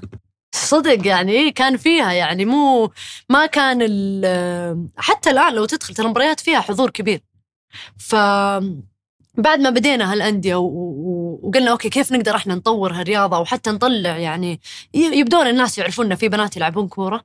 ونبغى دوري زيادة. فوش قلنا؟ خلاص خلينا نروح الجمعيات. نقول لهم بنسوي دوري كرة قدم للسيدات باسمكم. فرحنا لجمعية سند وقلنا لهم نبغى نسوي آه، بطولة باسمكم. وإحنا بنسوي كل شيء. يعني نجيب ال sponsors عشان يدفعون نجيب الحكام نجيب الأفرقة ننظم التنظيم كله علينا. ترى وقتها ما كنا ندري إن هذا business يعني ولا يجينا ولا أي شيء. يعني ما كنا نبغى فلوس ما نبغى شيء بس نبغى نلعب. فصرنا نروح لجمعية سند سنويا. كنا نسوي بطولة سند أو كأس سند كان اسمها. ونسيت أي سنة بالضبط بس آخر كأس سند سويناه أو أو آه، ما أدري إيش كان اسمه حتى ال- مم. الفعالية. ولكن سوينا أول فعالية كنا مسكناها أنا أستاذة عالية الرشيد وشركة اسمها ليتا. جينا جبنا sponsors تواصلنا مع وزارة الرياضة. قلنا لهم نبغى نسوي. كان أول event sponsored by وزارة الرياضة للسيدات. وجبنا فيه كورة و basket وال gymات ال- الموجودة ب- بالرياض. وسوينا يعني حلوة. في الرياض، اي إيه. بالضبط. فسوينا فعالية كبيرة ونجحت الحمد لله. وكانت هنا أنا بالنسبة لي نقطة تحول. تحول. فالحمد لله مشينا على هذا الشيء. وقتها ما ندري. يعني شوف أنا بهذا هذا أنا أقول لك هذا كنت بالمدرسة. هنا تعلمت كيف أناقش مع الناس من الرياضة من الكورة. يعني أنا بقول لك إياها بدراسة كنت جدا سيئة. صدق يعني. ودي أقول إني كنت لا مو بسيئة بس مو متفوقة ما. كنت اي يعني غير متفوقة غير مم. مهتمة. يعني كان كل تفكيري الكورة. يعني حتى ترى بالجامعة يوم تخرجت مم. الدكتور جاني وقال لي أنا ما متخيل إنك أنت بتخرجين. مع ان نفس هذا الدكتور أنا تخرجت آه، تسويق. وهو كان آه، يعني المسؤول عن التسويق بال- بالجامعة. آه، جاني وهو نفسه كان يعني مو بعشان ماني بكويسة. هو كان جاء وطلب مني أمسك إذا يعني زي عارف كيف بالجامعات في في مثلا group ال marketing group تعالي كوني أنت إرأسي هال هالمجموعة. مع إني بالدراسة ما كنت كويسة. بس كان عندي الفكر وعندي تفكير والحركة والنشاط وكذا بس ورق ورقيا واختبار ما أقدر. المهم ف... فبس وين تعلمت؟ أنا ليش أقول لك على هالنقطة؟ لما لما تر... من هالشغف من شغف وحبي للكورة تعلمت كيف أسوي فعاليات كيف أسوي عقود كيف أتكلم مع الناس كيف أ- أكسبهم لي العملاء ال- آه، الرعاة كيف أقدر أجيبهم كيف أقدر أخلي هذه الرياضة تجي كيف أحاكي هذا الحكم كيف أحجز طيران عشان وإحنا عاد ما في أحد ترى يساعدنا. يعني وقتها حنا نسوي كل شيء. ففتحنا هالفرق وسوينا وبعدها انطلقت كرة القدم النسائية ونشوفها للمكان اللي هي فيها اليوم. وهذه مو بجهود شخص أو شخصين هذه جهود أكثر من 105 أ- أكثر من 150 بنت يمكن. سواء بالرياض بالدمام آه، بجدة. لأن أنت لما تشوف جدة نشيطين تصير أنت نشيط بالرياض لما تشوف رياض نشيط يصير كذا. فإحنا كان عندنا دوري مستقل. وهذا اللي يمكن ساعدنا إن نفتح منتخب ونكون جاهزين. صح إن تنقصنا الخبرة تنقصنا بعض الأمور. حتى يمكن الثقافة الرياضية أو ثقافة يعني مثلا كلاعب آه، أكلك آم، آه، صحتك هذه الأشياء ما كانت عندنا. ما كانت عندنا. ولكن كنا نحاول دائما نوصل للاحتراف من غير أي دعم ترى وقتها. أي دعم يعني إحنا إحنا كنا ندعم نفسنا بنفسنا. فلما بدأ بدأت الدوريات لا دخلنا بالدوريات ونجحنا الحمد لله وسوينا سند وهالأمور. أنت أنت كذا آه، جاوبتي على سؤال أنا كنت بسألك إياه اللي هو اليوم فجأة كذا لقينا في فرق آه، شباب النصر هلال الأهلي اتحاد ال- ال- الغالب الغالب الناس يسأل وين وين وين طلعوا من هذولي؟ شوف أنا بقول لك. فهو كان من من النواه اللي أنتم إيه. بديتوها؟ مية 2007. بالمية. مية. الحين النوادي لو تشوف الشباب الاتحاد النصر الهلال آه، القادسية كل الفرق اللي موجودة ماخذة فرق كانت اوريدي مؤسسة. مو بدوها من الصفر. ما في طيب ولا فريق الصفر. بقول لك شغلة الله يسلمك. الحين أنتم ليش إذا هذه الفكرة موجودة عندكم ليش ما بديتوا من آه، من من من آه، من الفئات السنية؟ حنا بعد ما بدينا الفعاليات أنا. بدخلك بعدين ب- لأن هذا. مهم. آه، وقتها أنا كنت بالمدرسة تخرجت من المدرسة وطبعا كان عندي الحلم إذا تذكر أقول لك أشوف عبد الرحمن أخوي وأتمنى إني أنا بمكانه وأقدر أروح أتمرن وأسوي. ف وهذا الشيء اللي أنا يعني كنا نب فكنا نتمنى أن نفتح أكيد كنت أتمنى إني أفتح أكاديمية وأفتح فرصة للبنات إنهم يمارسون هالرياضه بس هذا حلمي أنا وحلم كل بنت كانت تلعب معنا بالدوري. فاذكر كنت مسافرة وقررت يعني كان من أصعب الخيارات بالنسبة لي اني إني أدرس برا واصير على قولتهم مبتعثة. بس. كنت أبغى هذه التجربة. وكان كان الشيء اللي أبغى أدرسه ما هو موجود يعني كمان بالسعودية. فرحت ودرست. كان لسه في اليمامه وما صار في أي تطور. قلت خلاص سنه سنتين ثلاثة أتخرج وأرجع للكورة عادي وأمارسها هناك مثلا وألعب وأتعلم وأتطور. بعد مرور سنة أذكر جاني اتصال وكنا إحنا نبغى نفتح أكاديمية. وما كنا نقدر نفتح أكاديمية لأن أول شيء آه، ما كان في ملاعب توافق إنها تأجر لنا ملاعبها. وإذا كان في الملاعب اللي توافق أسعارهم 10000 باليوم 15000 باليوم. للسيدات. ولأنك بال- بالأصح بتروح المدارس بالأغلب. فعدت سنة وجاني اتصال من واحدة من من الشركاء اللي معنا قالت لي ريم اتصلوا علي. مون فيم اللي هم مهتمين يعني بأنشطة بعد المدارس للأطفال و سواء ترفيهية سواء رياضة سواء آه، يعني عندهم الأمانة كثير أشياء وقتها كان. كلمتني قالت لي إن مون فيم جونا وقالوا لنا إن راح نوفر لكم إحنا الملعب ونوفر لكم كل شيء بالتعاون مع مدارس التربية الإس- الإسلامية. اللي لها صراحة فضل كبير. يعني اثنينهم مون فيم ومدارس التربية ساعدونا كثير بأننا إحنا نحقق اللي اللي كنا نبغى. حققوا أحلامنا بتوفير الملعب لنا و وصار جزء إن إحنا نقدر يعني حتى نطلع ان بنات يلعبون كورة. ما كان في لو تدخل جوجل وتدور بنات ما راح تلقى. إلى الحين. اي لا الحين تلقى. الحين نادر تلقى لا يعني. بس تلقى يعني لا بس في شح في المعلومة ما زالت. صح بس تلقى. تشوف إن. البنات يلعبون كورة. بدأت تفتح إيه، إيه. أكاديميات أكا مثلا الحين عندك أكاديمية الهلال فيها بنات آه، ال- الأكاديميات الثانية مهتمة إنها تفتح. أكثر من أكاديمية ترى موجودة فاتحة للبنات أيضا. المهم فإحنا نرجع للأكاديمية. رجعت أنا وطبعا أول ما جاني هالاتصال حجزت أول تذكرة للرياض. يعني تركت دراستي وكل شيء ولا قلت للوالدة ولا قلت أي شيء بس آه، بكرة هذه الطيارة موجودة رحت للجامعة أنا أعتذر منكم بمشي. بعد سنة ونص دراسة وتخصص مو حتى تخصص كنت أدرسه هنا لأني أنا رحت جامعة الفيصل قعدت فيها سنة السنة التحضيريه سويت فيها ترم وقالوا سويت فيها ترم بعدين الترم الثاني خلاص رحت أمريكا. لما جاني ذا الاتص- الاتصال خلاص سحبت على كل شيء هناك ورجعت الرياض. إيه. okay. فأذكر حتى كان يمكن أول business أبغى أفتحه هو الأكاديمية وترى ما كنت أفهم شيء بال business أو كنت أحسب إني ما أفهم شيء بال business لأن كنا مسوي الفعاليات بس ما كان مخي هذا business وهذا صدق قاعد أتطور قاعد كان. غير ربحي أول. إيه غير ربحي بس حتى الفكر الفكر إنه كيف أنت تجيب هذا الشخص وكيف أنت تقنع هذا ال sponsor وكيف تكاليفك تقسمها كم هذا الشيء يكلف وكم هذا الشيء وتقارن وإيش أجيب أرخص عشان عندي ميزانية. هذه كلها كانت business في وقتها أنا ما أدري إن هذا business أنا كنت شغف وأحب ألعب وشلون أقدر أصنع فرص زيادة إني ألعب. أنا وغيري طبعا.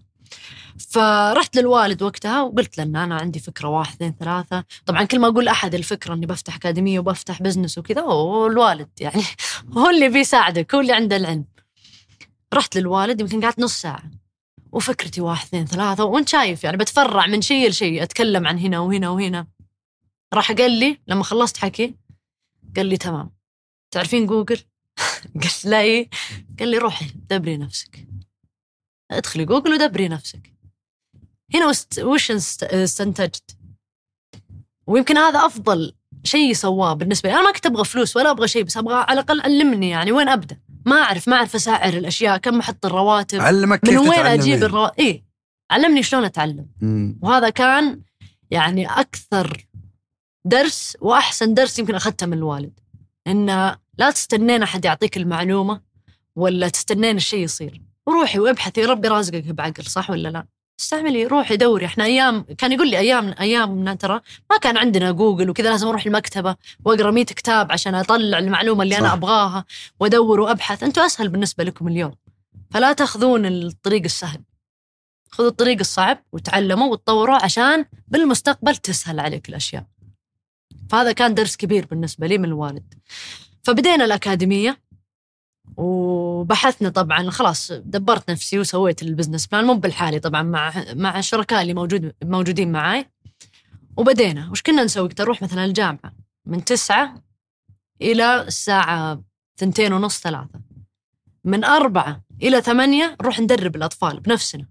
نروح ندربهم. إحنا اللي مسؤولين عن الماركتينج عن التدريب عن التواصل مع الأهالي آه، مع الملعب العقود الرواتب كل شيء كانت تحت تقدر تقول وقتها ثلاث أشخاص.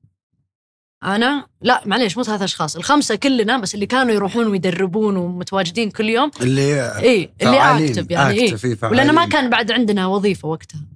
يعني مثلا عندك ال- البنات اللي كانوا أكبر مننا ومعنا شركاء متوظفين فكان صعب بالنسبة لهم. بس متى ما احتجناهم يجون يساعدون. بس اللي كان متواجد يوميا عندك آه، أنا والأستاذة عالية الرشيد ونادين الدرباس. ان شاء الله ما نسيت أحد. بس هذول الثلاثة اللي كانوا كل يوم موجودين. فنروح ال- الجامعة نطلع من الجامعة ندرب الأطفال. اليوم اللي بعده نقوم نفس السيناريو بعدين بس بدل ما ندرب الأطفال نروح نلعب حنا. فكان يوم حنا ندرب يوم نلعب يوم ندرب. وكل واحدة مننا راحت وخذت شهادات آه، تدريب. يعني خذينا شهادات تدريب خذينا كذا طورنا من أنفسنا بهالأشياء مسكنا الأكاديمية. أول سنة توقعنا طبعا أول مرة نقول إن في بنات يلعبون كورة ونفتح حساب بالإنستغرام وقتها وكذا أول مرة. قلنا خلاص كم تتوقعون؟ يعني الأرقام مو بحضرتني الآن بس قول مثلا 25 طفل. السنة الأولى 25 طفل. نتكلم بنات وعيال عمر صغير. وما ما نعرف الناس تتقبل بنات يلعبون الآن ولا لا. جانا يمكن 63 طفل الترم الأول. الترم الثاني أول ترم جانا وإحنا السنة كاملة كان مخنا 35 لدرجة انه كان عندنا فترة واحدة صار عندنا ثلاث فترات ندرب فيها. ثلاث فيها يعني عندك من من أربع سنين إلى ستة من ستة إلى ثمانية من ثمانية إلى 12 وندربهم. الأطفال من الجنسين؟ إلى عمر 12 من الجنسين. ولأن الحمد لله نجحنا. والأطفال كانوا جدا مبسوطين. هو كان حتى الفكرة وشو؟ عندك أنت الأكاديمية. فبدل ما إحنا كان عندنا صعوبة جدا إن نلقى بنات يلعبون كورة. يعني كنا أنا وعلي ترى نروح المولات ولا نروح شيء نشوف واحدة هذه شكلها تلعب. إنك تلعب واحدة شقره مثلا نقول هذه الأجنبية المحترفة اللي بتجينا خل نروح نشوف. كذا يعني. طيب ليش ما رحت المدارس؟ رحنا المد... شوف حتى بالمدارس يعني. أنت متى دخلت الرياضة لل... للنساء بالمدارس؟ متأخر. آه أوكي. إي فيعني ما كان في آه، صعب إنك تلقى بنات يلعبون كورة. فكان عندنا حتى مشكلة بالتأسيس. يعني مثلا أنت من عمر معين من من أنت وصغير قول ستة إلى 12 13 14 15 تقدر تطور اللاعب. بعد 16 خلاص ما تقدر تعلم الأساسيات صح. يعني حتى لو يعرفها بيتطور بس مو زي هو صغير إذا تعلم شلون يناول صح وشلون تستلم الكورة صح. آه إذا إذا استلمت الكورة وش وشلون توجهها بالطريقة اللي هي تبغاها. لمسة لمستين آه سرعة التحركات مسافات بين ال- الهجوم والدفاع والوسط هذه الأشياء مي موجودة. فإذا أنت ما اسستهم صح. ما راح يعرفون يلعبون إذا كبروا. فهذه المشكلة كنا نواجهها. فقلنا خلينا نفتح الأكاديمية. تصير pipeline كمان. غير إن نكسب منها فلوس. عشان حتى كثير من الناس اللي كانوا يلعبون ما كان عندهم القدرة المالية إنهم يدفعون للتمارين. يعني كنا نقط. ندفع. نقط عشان نشتري الأشياء اللي نحتاجها ولا التمارين اللي كنا نبغاها ولا من هالكلام. فقلنا شلون نقدر إحنا نخليها متاحة لأي أحد بدون ما يدفع؟ بالفريق الأول. فتحنا الأكاديمية والدخل اللي يجينا من الأكاديمية نستثمر فيه بالأكاديمية ونستثمر فيه بالفريق الأول. وبنفس الوقت نطلع البنات الصغار ونأسسهم صح؟ اليوم ثلاثة أو أربعة من أربعة أو خمسة من البنات أو ستة مم. بالمنتخب. سواء تحت ال 17 أو طالبينهم المنتخب ي- يمثلون المنتخب الأول. داخلين معنا من الأكاديمية. ف طيب الحين ال- الأكاديمية أنت قبل شوي قلتي بديتي تربح. وصرتي تعيدين استثمارها مرة ثانية داخل الأكاديمية. تقريبا كلنا نعرف إنه الرياضة هي مصدر العوائد حقها وإيراداتها من الجمهور. الجمهور مو بهذاك بهذاك الحجم يعني والدليل إنه اللي أشتكى من هالموضوع هو رئيس الفيفا. صح رئيس الفيفا قال إنه آه، حقوق البث لل- إيه دخل الدخل والجمهور هذه يعني أهم. اي هو صرح قال إنه أنا كان جتني صفعه على وجهي لما جاء كأس العالم للسيدات قال الرجال تقريبا كان يبيع حقوق البث من 100 إلى 200 مليون دولار. السيدات من مليون أقصى شيء جاء 10 مليون. صح. طيب كيف آه، الاستثمار في ال- في الرياضة النسائية أنت؟ هو الاستثمار مغامرة بالرياضه يعني. بشكل آه. يعني بشكل عام. بشكل عام يقول لك high risk جدا income. high risk يعني إيه. high بس high income يعني المخاطرة فيها كبيرة جدا. مخاطرة عالية وبس دخلها مرة. مخاطرة عالية. مم. يعني أنت لما تجي تدخل توقع أنك تصرف أكثر من اللي يجيك لين ربي يفرجها على قولتهم يعني ويوفقك. لأن التوفيق من عند الله. ممكن أنت تسوي كل شيء. تجيب المدربين تجيب اللعيبة تجيب ال ال كل شيء ممكن تحتاجه. بس بالملعب يعني يا تتوفق يا ما تتوفق. ف هي high risk high value إحنا ما كنا نواجه هذه المشكلة لأن إحنا كنا اشترا... آه، اشتراكات بال... بالأكاديمية.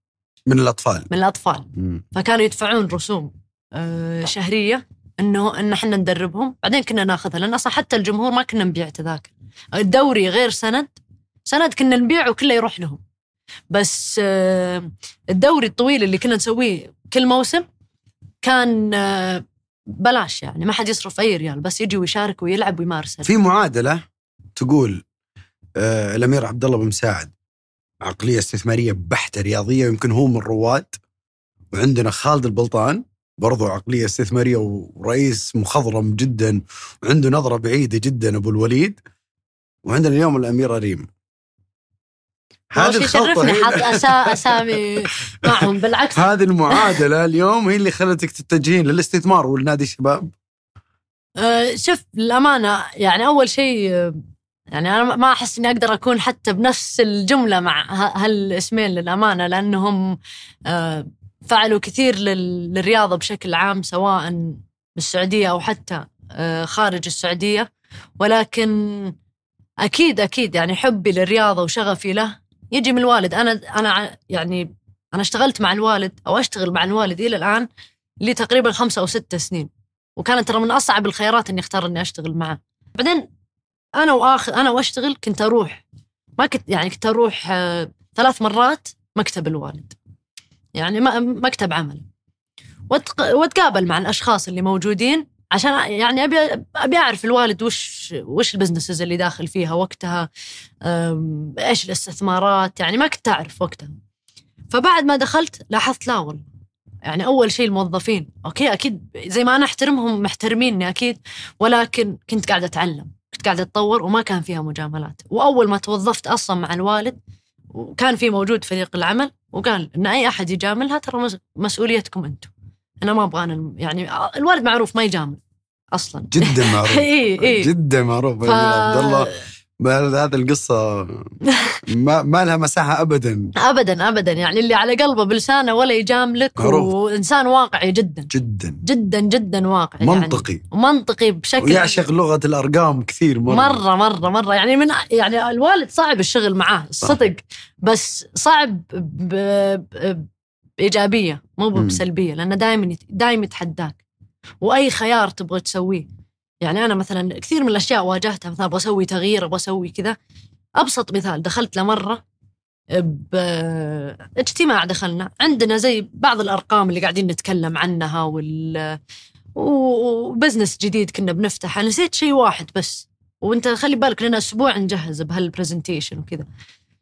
نسيت ال depreciation على قولتهم. حقت الكراسي اللي موجودة بالمحل. ما خلاني أكمل. طلعنا كلنا برا تعالوا لي لما تصيرون جاهزين. فدقيق دقيق دقيق. بس هذا الشيء إيجابي لأن علمني أنا الدقة والتركيز الحمد لله. بس آه، يعني دقيق جدا وعلى التفاصيل واللي تعلمته منه مو بس على التفاصيل يعني حتى مسألة وأكيد هذا كلنا نشتغل آه، إحنا نخاف من ربنا ما نبغى نسوي شيء مثلا دائما نبغى نكون صريحين نبغى نبغى نكون آه، عادلين. نمشي على مبادئ الإسلام على. قولتهم القيم. القيم. فالوالد دايم كان حريص جدا إنه ما يظلم أحد بالعمل. يعني حتى لو بيغير مدير ولا يغير شيء ولا كذا ما ما مو بس يروح ويتركه. عرفت؟ يعني دائما عنده plan B لك أنت. يعني تطلع من عنده عنده plan B لك. فكان دائما حريص على الأشياء يعني حتى بالاستثمارات اللي بندخلها وهذه من الأشياء اللي يعني أنا تعلمت منها الكثير وصرت أركز عليها لأن أنت أكيد ما تبغى تسوي شيء مثلا حرام ولا شيء ما يرضي ربك ولا كذا. بالعمل حتى لو كان مثلا آه، إنك تدخل تستثمر بهذه الشركة كيف طريقة أرباحهم كيف يستلمونها. قبل أي شيء يسألنا يسأل يعني أوكي هل هذا حلا- حلال ولا حرام؟ هذا نوع الاستثمار حلال ولا حرام؟ بطريقة ال- الدخل. مثلا في بعض بعض الاستثمارات تصير مختلطة. بالضبط. مم. فكان دقيق جدا عن هذا الشيء ودقيق جدا عن إنه ما يظلم شخص وإذا بيعاتب أحد ولا إذا بيغير أحد ولا إذا بيسوي شيء لازم يكون عنده يعني بالتفصيل ليش؟ ليش هذا الخيار بناخذه؟ حتى لو شيء بسيط. يعني شيء بسيط جدا بتغيره عطني تفاصيل التفاصيل. يعني إحنا دائما إذا جهزنا برزنتيشن ولا أي شيء نبغى نعرضه على الوالد أنت لو تحط 100 احتمال سؤال خلاص أعرف إنه في تاخذ- 101 بيجيك. لا لا أعرف إن المية كلها هذه ولا واحد منهم يجي سؤال. بيجيك مية سؤال ثاني ما فكرت فيه. مختلفين. بالضبط. آه، أنا ودي ودي طبعا راح اتطرق للجانب الأمير عبد الله بن مساعد خاصة بمساله الاستثمار والاستثمار في الأندية الخارجية، لكن خليني برجع أنا وياك شوي آه، أميرة آه، على موضوع الإعلام. دور الإعلام اليوم معكم. شلون شايفته؟ يعني أفضل من أول لسه في تغطية. يعني أنا دائما أقول خليني أقول لك ال... بالإعلام كنا نواجه مشكلة مو بس بالإعلام حتى بالرعاة اللي نبغى نجيبهم. يعني ما في إحصائيات على كرة القدم النسائية. تقدر تقول هذه النسخة الثانية الرسمية للأندية. فأنا مثلا أجي أحط أول مرة بعد نبث الآن. ترى ينبث الدوري بالسعودية وحتى خارج السعودية على دازون ولا واحد من البرامج. و- فكانوا دائما متخوفين إنهم يدخلون. أو يتكلمون عن الكرة النسائيه لأن أنت عارف الكورة معروفة أنها الرجال مجتمعيا أكثر.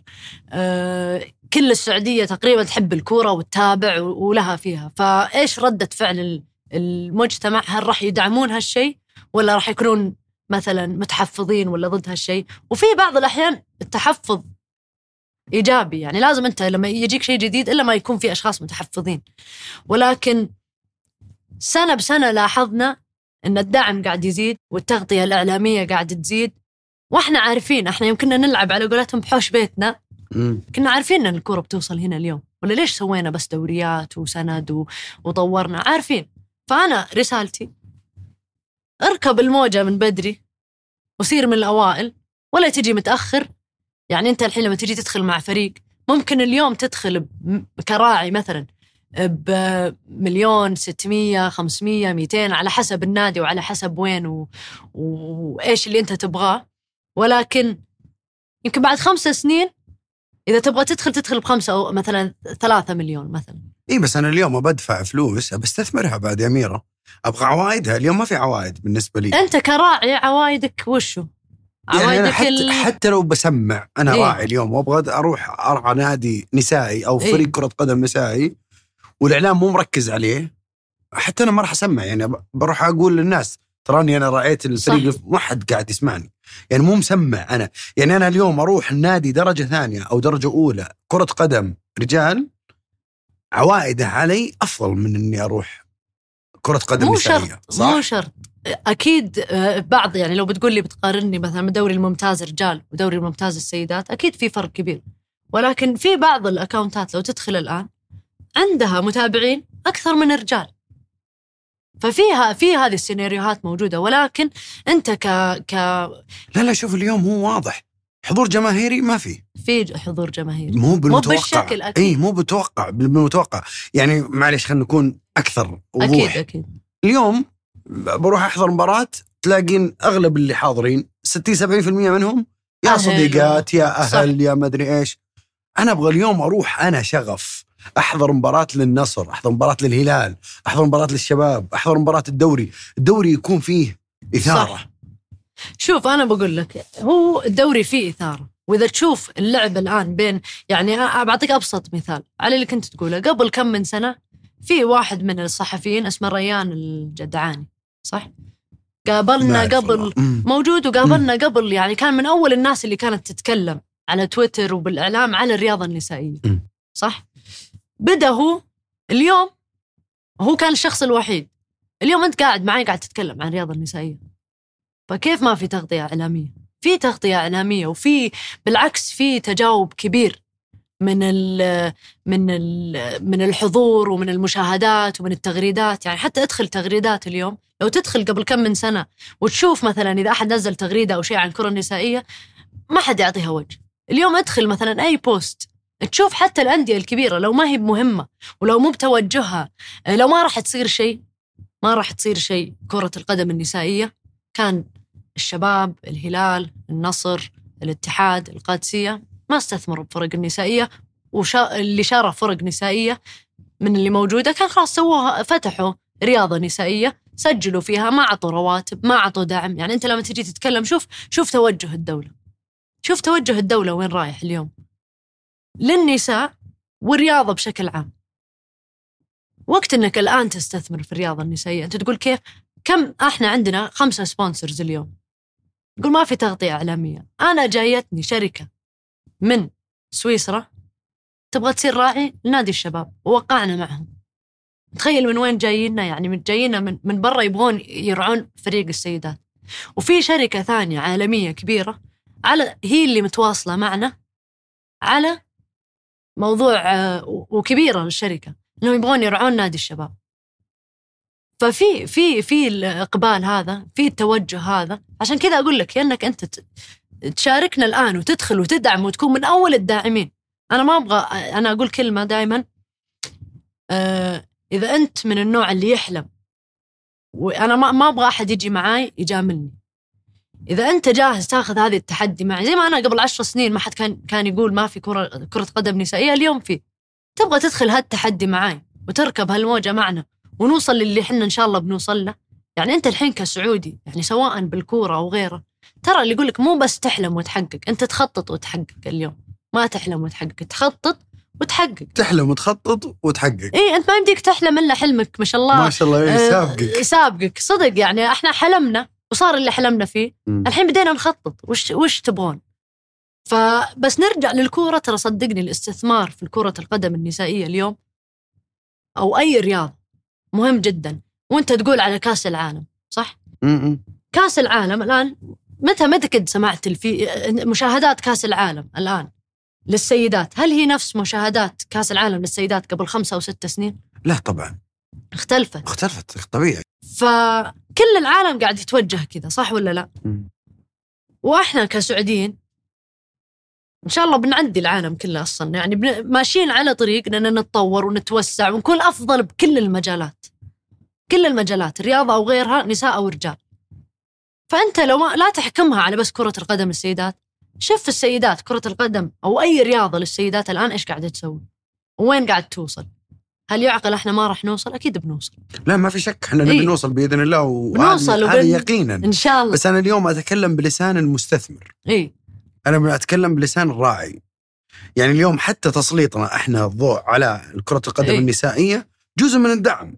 أكيد. هو جزء من الدعم. لكن اليوم لما تيجي تقول طيب لكن إن شاء الله أنا بقول كلمة يعني. أنا إن شاء الله بإذن الله أوعدك إنه بعد هذا اللقاء بيصير عندك مليون مشجعة سعودية هذا الكلام إن شاء الله بإذن الله وبيصير عندك أقل شيء من يعني عشرات الآلاف من الصحفيين وال بإذن الله. والله مهم جدا يعني مهم. جدا التغطية في. في, في الكرة القدم القدم. إيه. خلاص وتجون تحضرون لنا مباريات وكذا بالعكس عشان نشوف. الجمهور نكون حنا حنا من اللبنة اللي بدت معك على الأقل لو في الاعلام العافية يعني صدق أنا. أقدر وترى واحترم هذا الشيء كثير يعني أنا ترى مو من النوع اللي كان ما أحب الإعلام كثير ولا أحب أظهر اعلاميا و... فعلا ترى بيض تصدقين عاد إنك تعبتينا على وحنا ندور في الإعداد. ما لقينا لك شيء. إي لأني ما أحب أطلع يعني. مو ما لقينا يعني قليل مرة.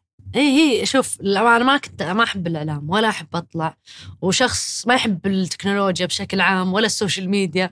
فبس عارفة زي ما قلت لك ب- ب- بالأشياء بقصتي الإنجازات اللي سويتها. وكمان باسمي عارفة إني أقدر أنا يعني أجيب مشاهدات زيادة واهتمام زيادة وممكن أوصل الرسالة كمان للأشخاص اللي عندهم أسئلة عن كرة القدم النسائية بشكل أوضح وإن شاء الله إنهم يحسون بهالشغف ويصير عندهم هالشغف بتطوير الرياضات النسائية سواء كره أو غيرها. أنت اليوم آه، الاميره ريم وش تبي الدعم أو وش الدعم وش شكل الدعم اللي هي قاعدة تطلبه من الجمهور اليوم هو أكيد إن أول شيء آه، دعمهم بحضورهم للمباريات آه، عشان تاخذ هذه الشعبية والزخم. أكيد أكيد. وإنهم آه يعني في شيء لازم الكل يحط بباله إن إحنا الكرة النسائية توها بادية. صح؟ يعني لو بتقارنها أو مباريات النساء مع الرجال مم.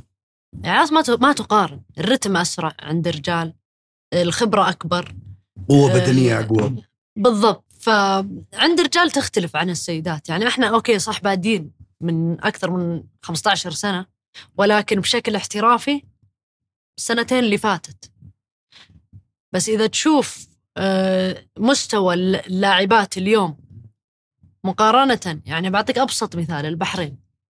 البحرين ترى فريق محترم ومن من من أقوى الفرق الفرق بالخليج. لعبنا ضدهم ب 2019 أول ما تكون المنتخب. خسرنا 11 صفر. لعبنا كان صالات وقتها خماسيات. 11 صفر. السنة اللي فاتت بعد مرور السنة اللي فاتت لعبنا ضدهم بنهائي غرب آسيا أو أو يا كان نصف النهائي نصف النهائي غرب آسيا فزنا عليهم. هم بادين قبلنا.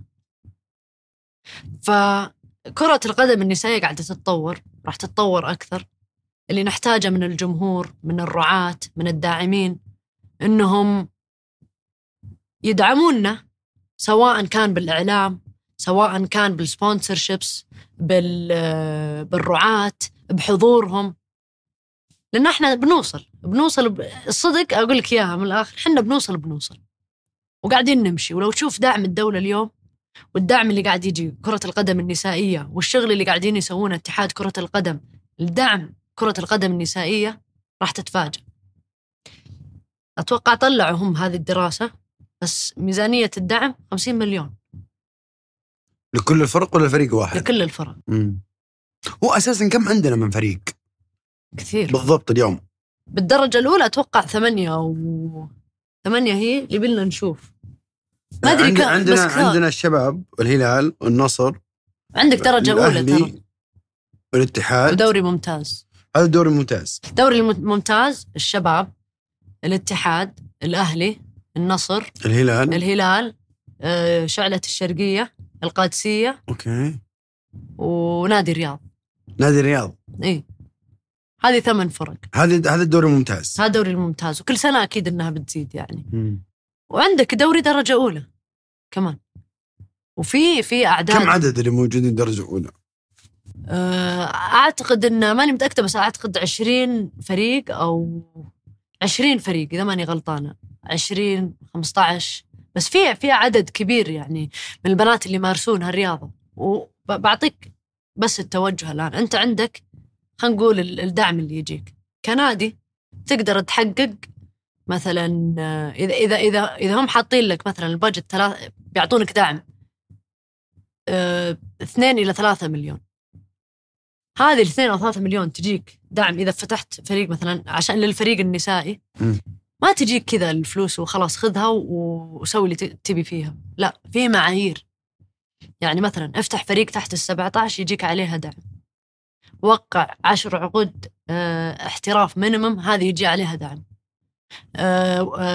وظف مع الطاقم الفني مدربة سعودية هذه عليها دعم. فحاطين لك معايير مو بس عشان معايير إيه؟ تحفيزية. ومو بس عشان يطورونك أنت كفريق عشان يطورون المنظومه كلها. يعني حتى عندك مركز طبي عندك آه، مركز إعلامي عندك كذا ويجيك عليها دعم. ف دعم الدولة اليوم يمكن هو على سؤالك إنه ليش الواحد يجي ويستثمر في الرياضة.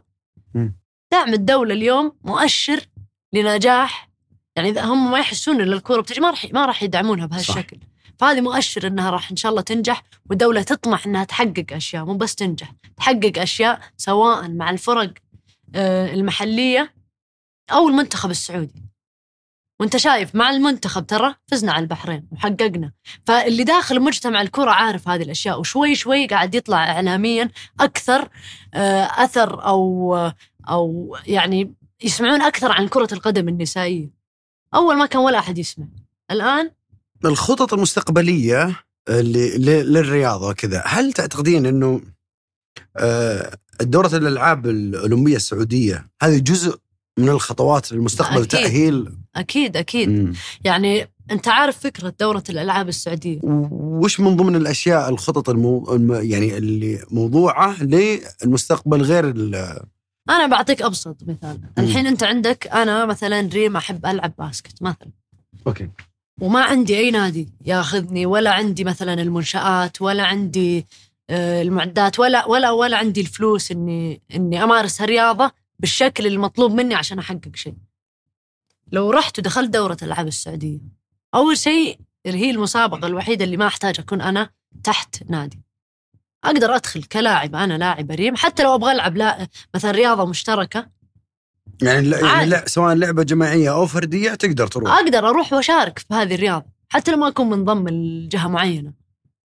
رحت دخلت يعني أنت لو تشوف السنة اللي فاتت كانوا كثير من ال- من المنافسين يدخلون أساميهم وما يمثلون أي نادي. اليوم الوضع يختلف. تشوف الهلال مثلا الشباب الاتحاد النصر ينزلون كم ميدالية فازوا بالالعاب السعودية وبالألعاب المختلفة سواء سيدات أو رجال.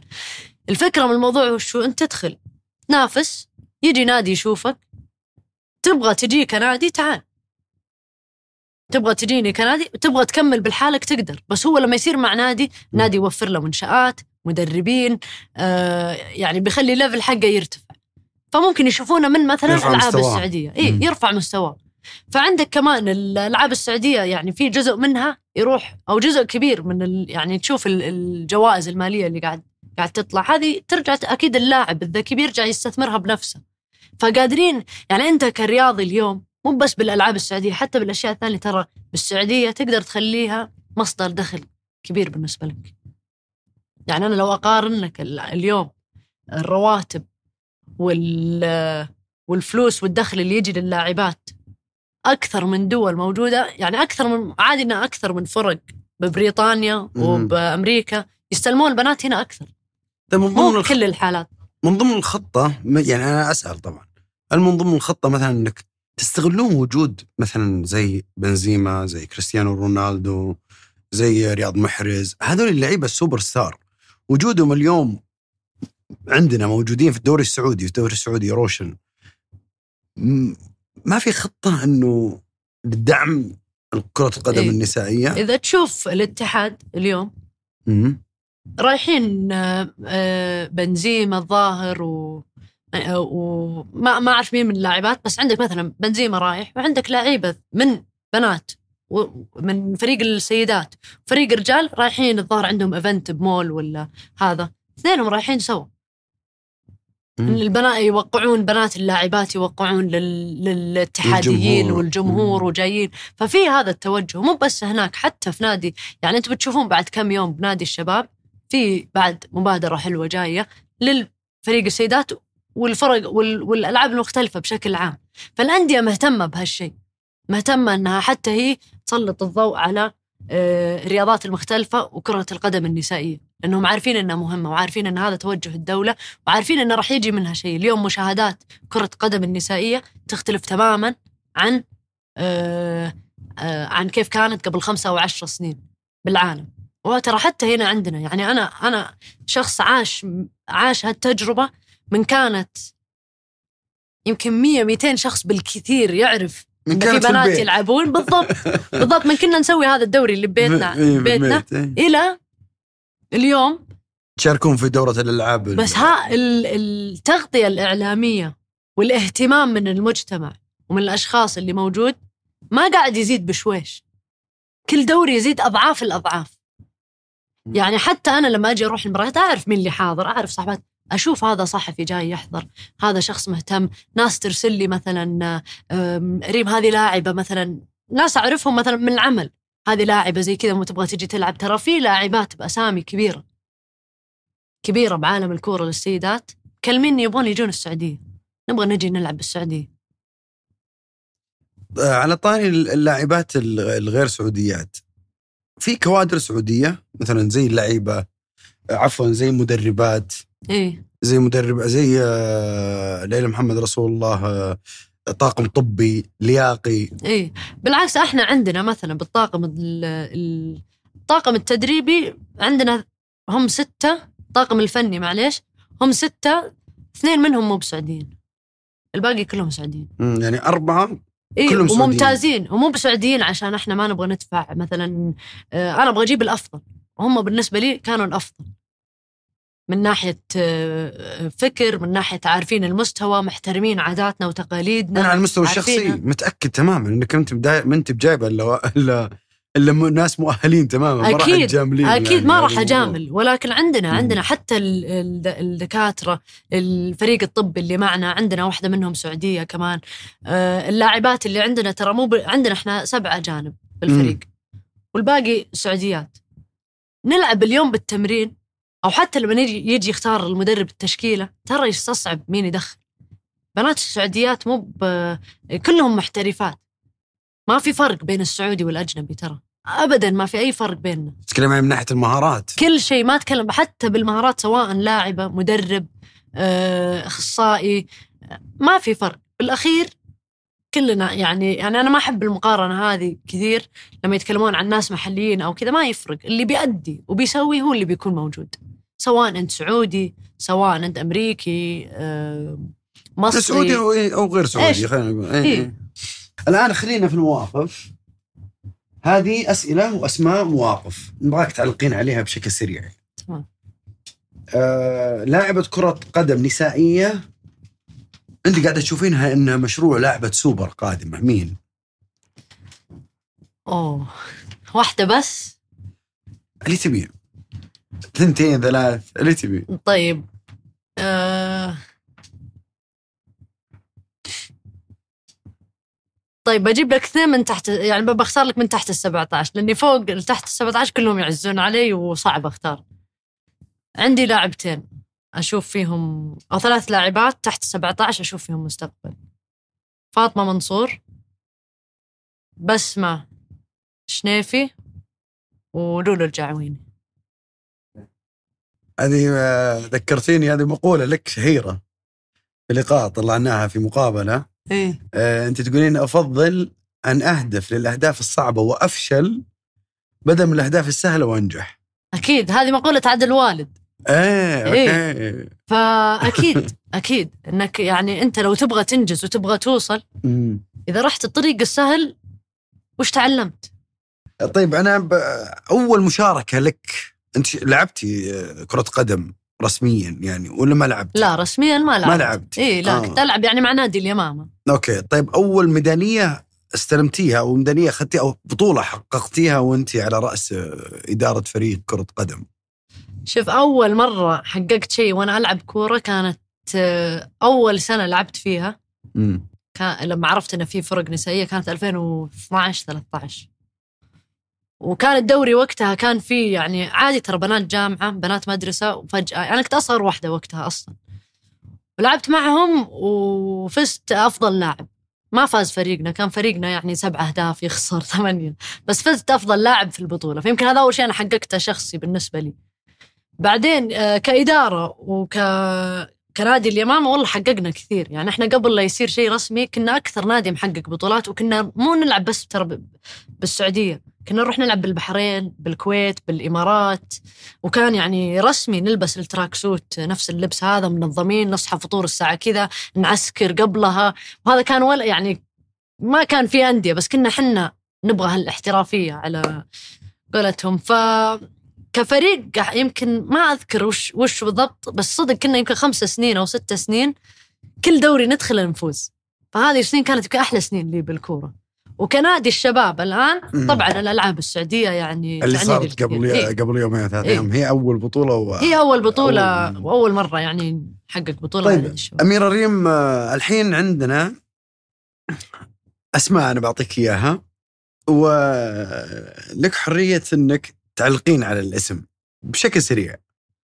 راح أبدأ معك بال بالأستاذ آه، خالد البلطان أبو الوليد. صار كلمة واحدة قلت؟ لا لا اللي إيه. تبين. أه والله أشكره كثير على دعمه وثقته فينا.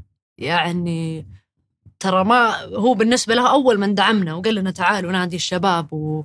ودعم الكرة النسائية ودعم فريق اليمامة. هو كان أستاذ خالد البلطان ففضله كبير علينا وما كان حققنا اللي حققناه اليوم واللي بنحققه إن شاء الله بالمستق... بالمستقبل لولا الله ثم دعمه آه، كريستيانو رونالدو. آه، فنان الأمانة أنا بالنسبة لي يعني من محبين كريستيانو وأحب شخصيته ما هو بس فقط يعني يمكن الرياضي المثالي بالنسبة لي. مو بس من ناحية كرياضي ولكن حتى مسيرة رياضي وما بعد الرياض لما تشوف الأشياء اللي سواها برا الكورة والاستثمارات وال marketing وال business وكيف يروج لنفسه. ف يعني مدرسة الخيرية. بالضبط وأعمال مم. الخيرية أكيد. آه ف كريستيانو مدرسة لحاله فعلا. اي يعني مثلا لو تقارن بين ميسي ميسي أنا بالنسبة لي natural يعني موهبة من ربي ما شاء الله. يعني ما ما قد شفت أنا لاعب يلعب زي ميسي. بس ما قد شفت لاعب يشتغل زي رونالدو مم. على يشتغل نفسه. على نفسه على نفسه إيه. صحيح طيب آه، الأمير عبد الرحمن بن عبد الله والأميرة هيفا بنت عبد الله آه تبي يزعلون علي الستة لا طيب الثانيين بقية الإخوان خلاص، كل لا، إخواني. إيه، لكل اخوانك إيه. أم، سندي وناس وقفوا معاي و... يعني ناس أكيد واقفين معي إخواني بس إن يعني وقفوا معاي ودعموني بكل خطوة. كنت أت... يعني آخذها وتحملوني كثير أنا وصغيرة كمان. إني كنت راعية مشاكل معهم للأمانة ولكن يعني حياتي شاء حياتي ولا تخليني أبكي الحين يمكن ترى أصيح عليكم فجأة. لا بس سندي ودعمي الأول. ما شاء الله تبارك الله. الأميرة جواهر بنت فهد. يعني والله لو أقدر أكون ربع هالإنسانة فبحس إني كاملة أكيد. يعني عمود فقر العائلة لكل لكلنا من الوالد لين محمد أخوي. يعني من أقوى الأشخاص اللي قد شفتهم ومروا علي بحياتي. استنى الدمعة شكلك. لا يعني لها أثر كبير جدا. يعني آه، الوالدة أي شيء أنا وإخواني أو حتى مو بس أنا وإخواني حتى الوالد أي أي أحد تعرف الوالدة حتى صاحباتها. يبغى يسوي شيء أول من يدعمه ويساعده ويبحث ويسوي ويلا وليش لا هي الوالدة.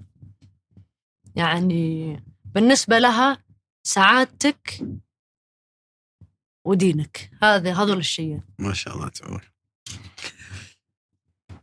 عبد الله بن سعد ما يحتاج لازم يكون هو الركن الأساسي الامير عبد الله بن مساعد. الوالد قدوتي. قدوتي بالحياة مو بس بال... بالعمل ولكن حتى بحياته الشخصية وبشخصيته. من أطيب الناس من أكثر الناس اللي آه، تعلمت منهم خاصة يعني بالبزنس أكيد ولكن حتى بال... بال... بشخصيتي.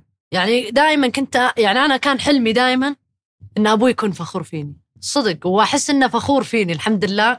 وصلت هالشيء والله من- كلنا فخورين فيك الله صحيح شكراً. والله. يعني أنت اللي سويتيه مو شيء سهل. لا هو. دائما يقولها فيعني بالعكس يعني كلهم الوالد والوالدة لهم مكان الامانه وإخواني كلهم وهيفا عشان ما تقول لي بعدين ليش ما قلت اسمي. آه الأميرة ريم على بياض. هل بنشوف الأميرة ريم بنت عبد الله بمساعد؟ يوم هي رئيسة الاتحاد السعودي لكرة القدم النسائية؟ أنا بالنسبة لي ما يفرق أنا وين أكون.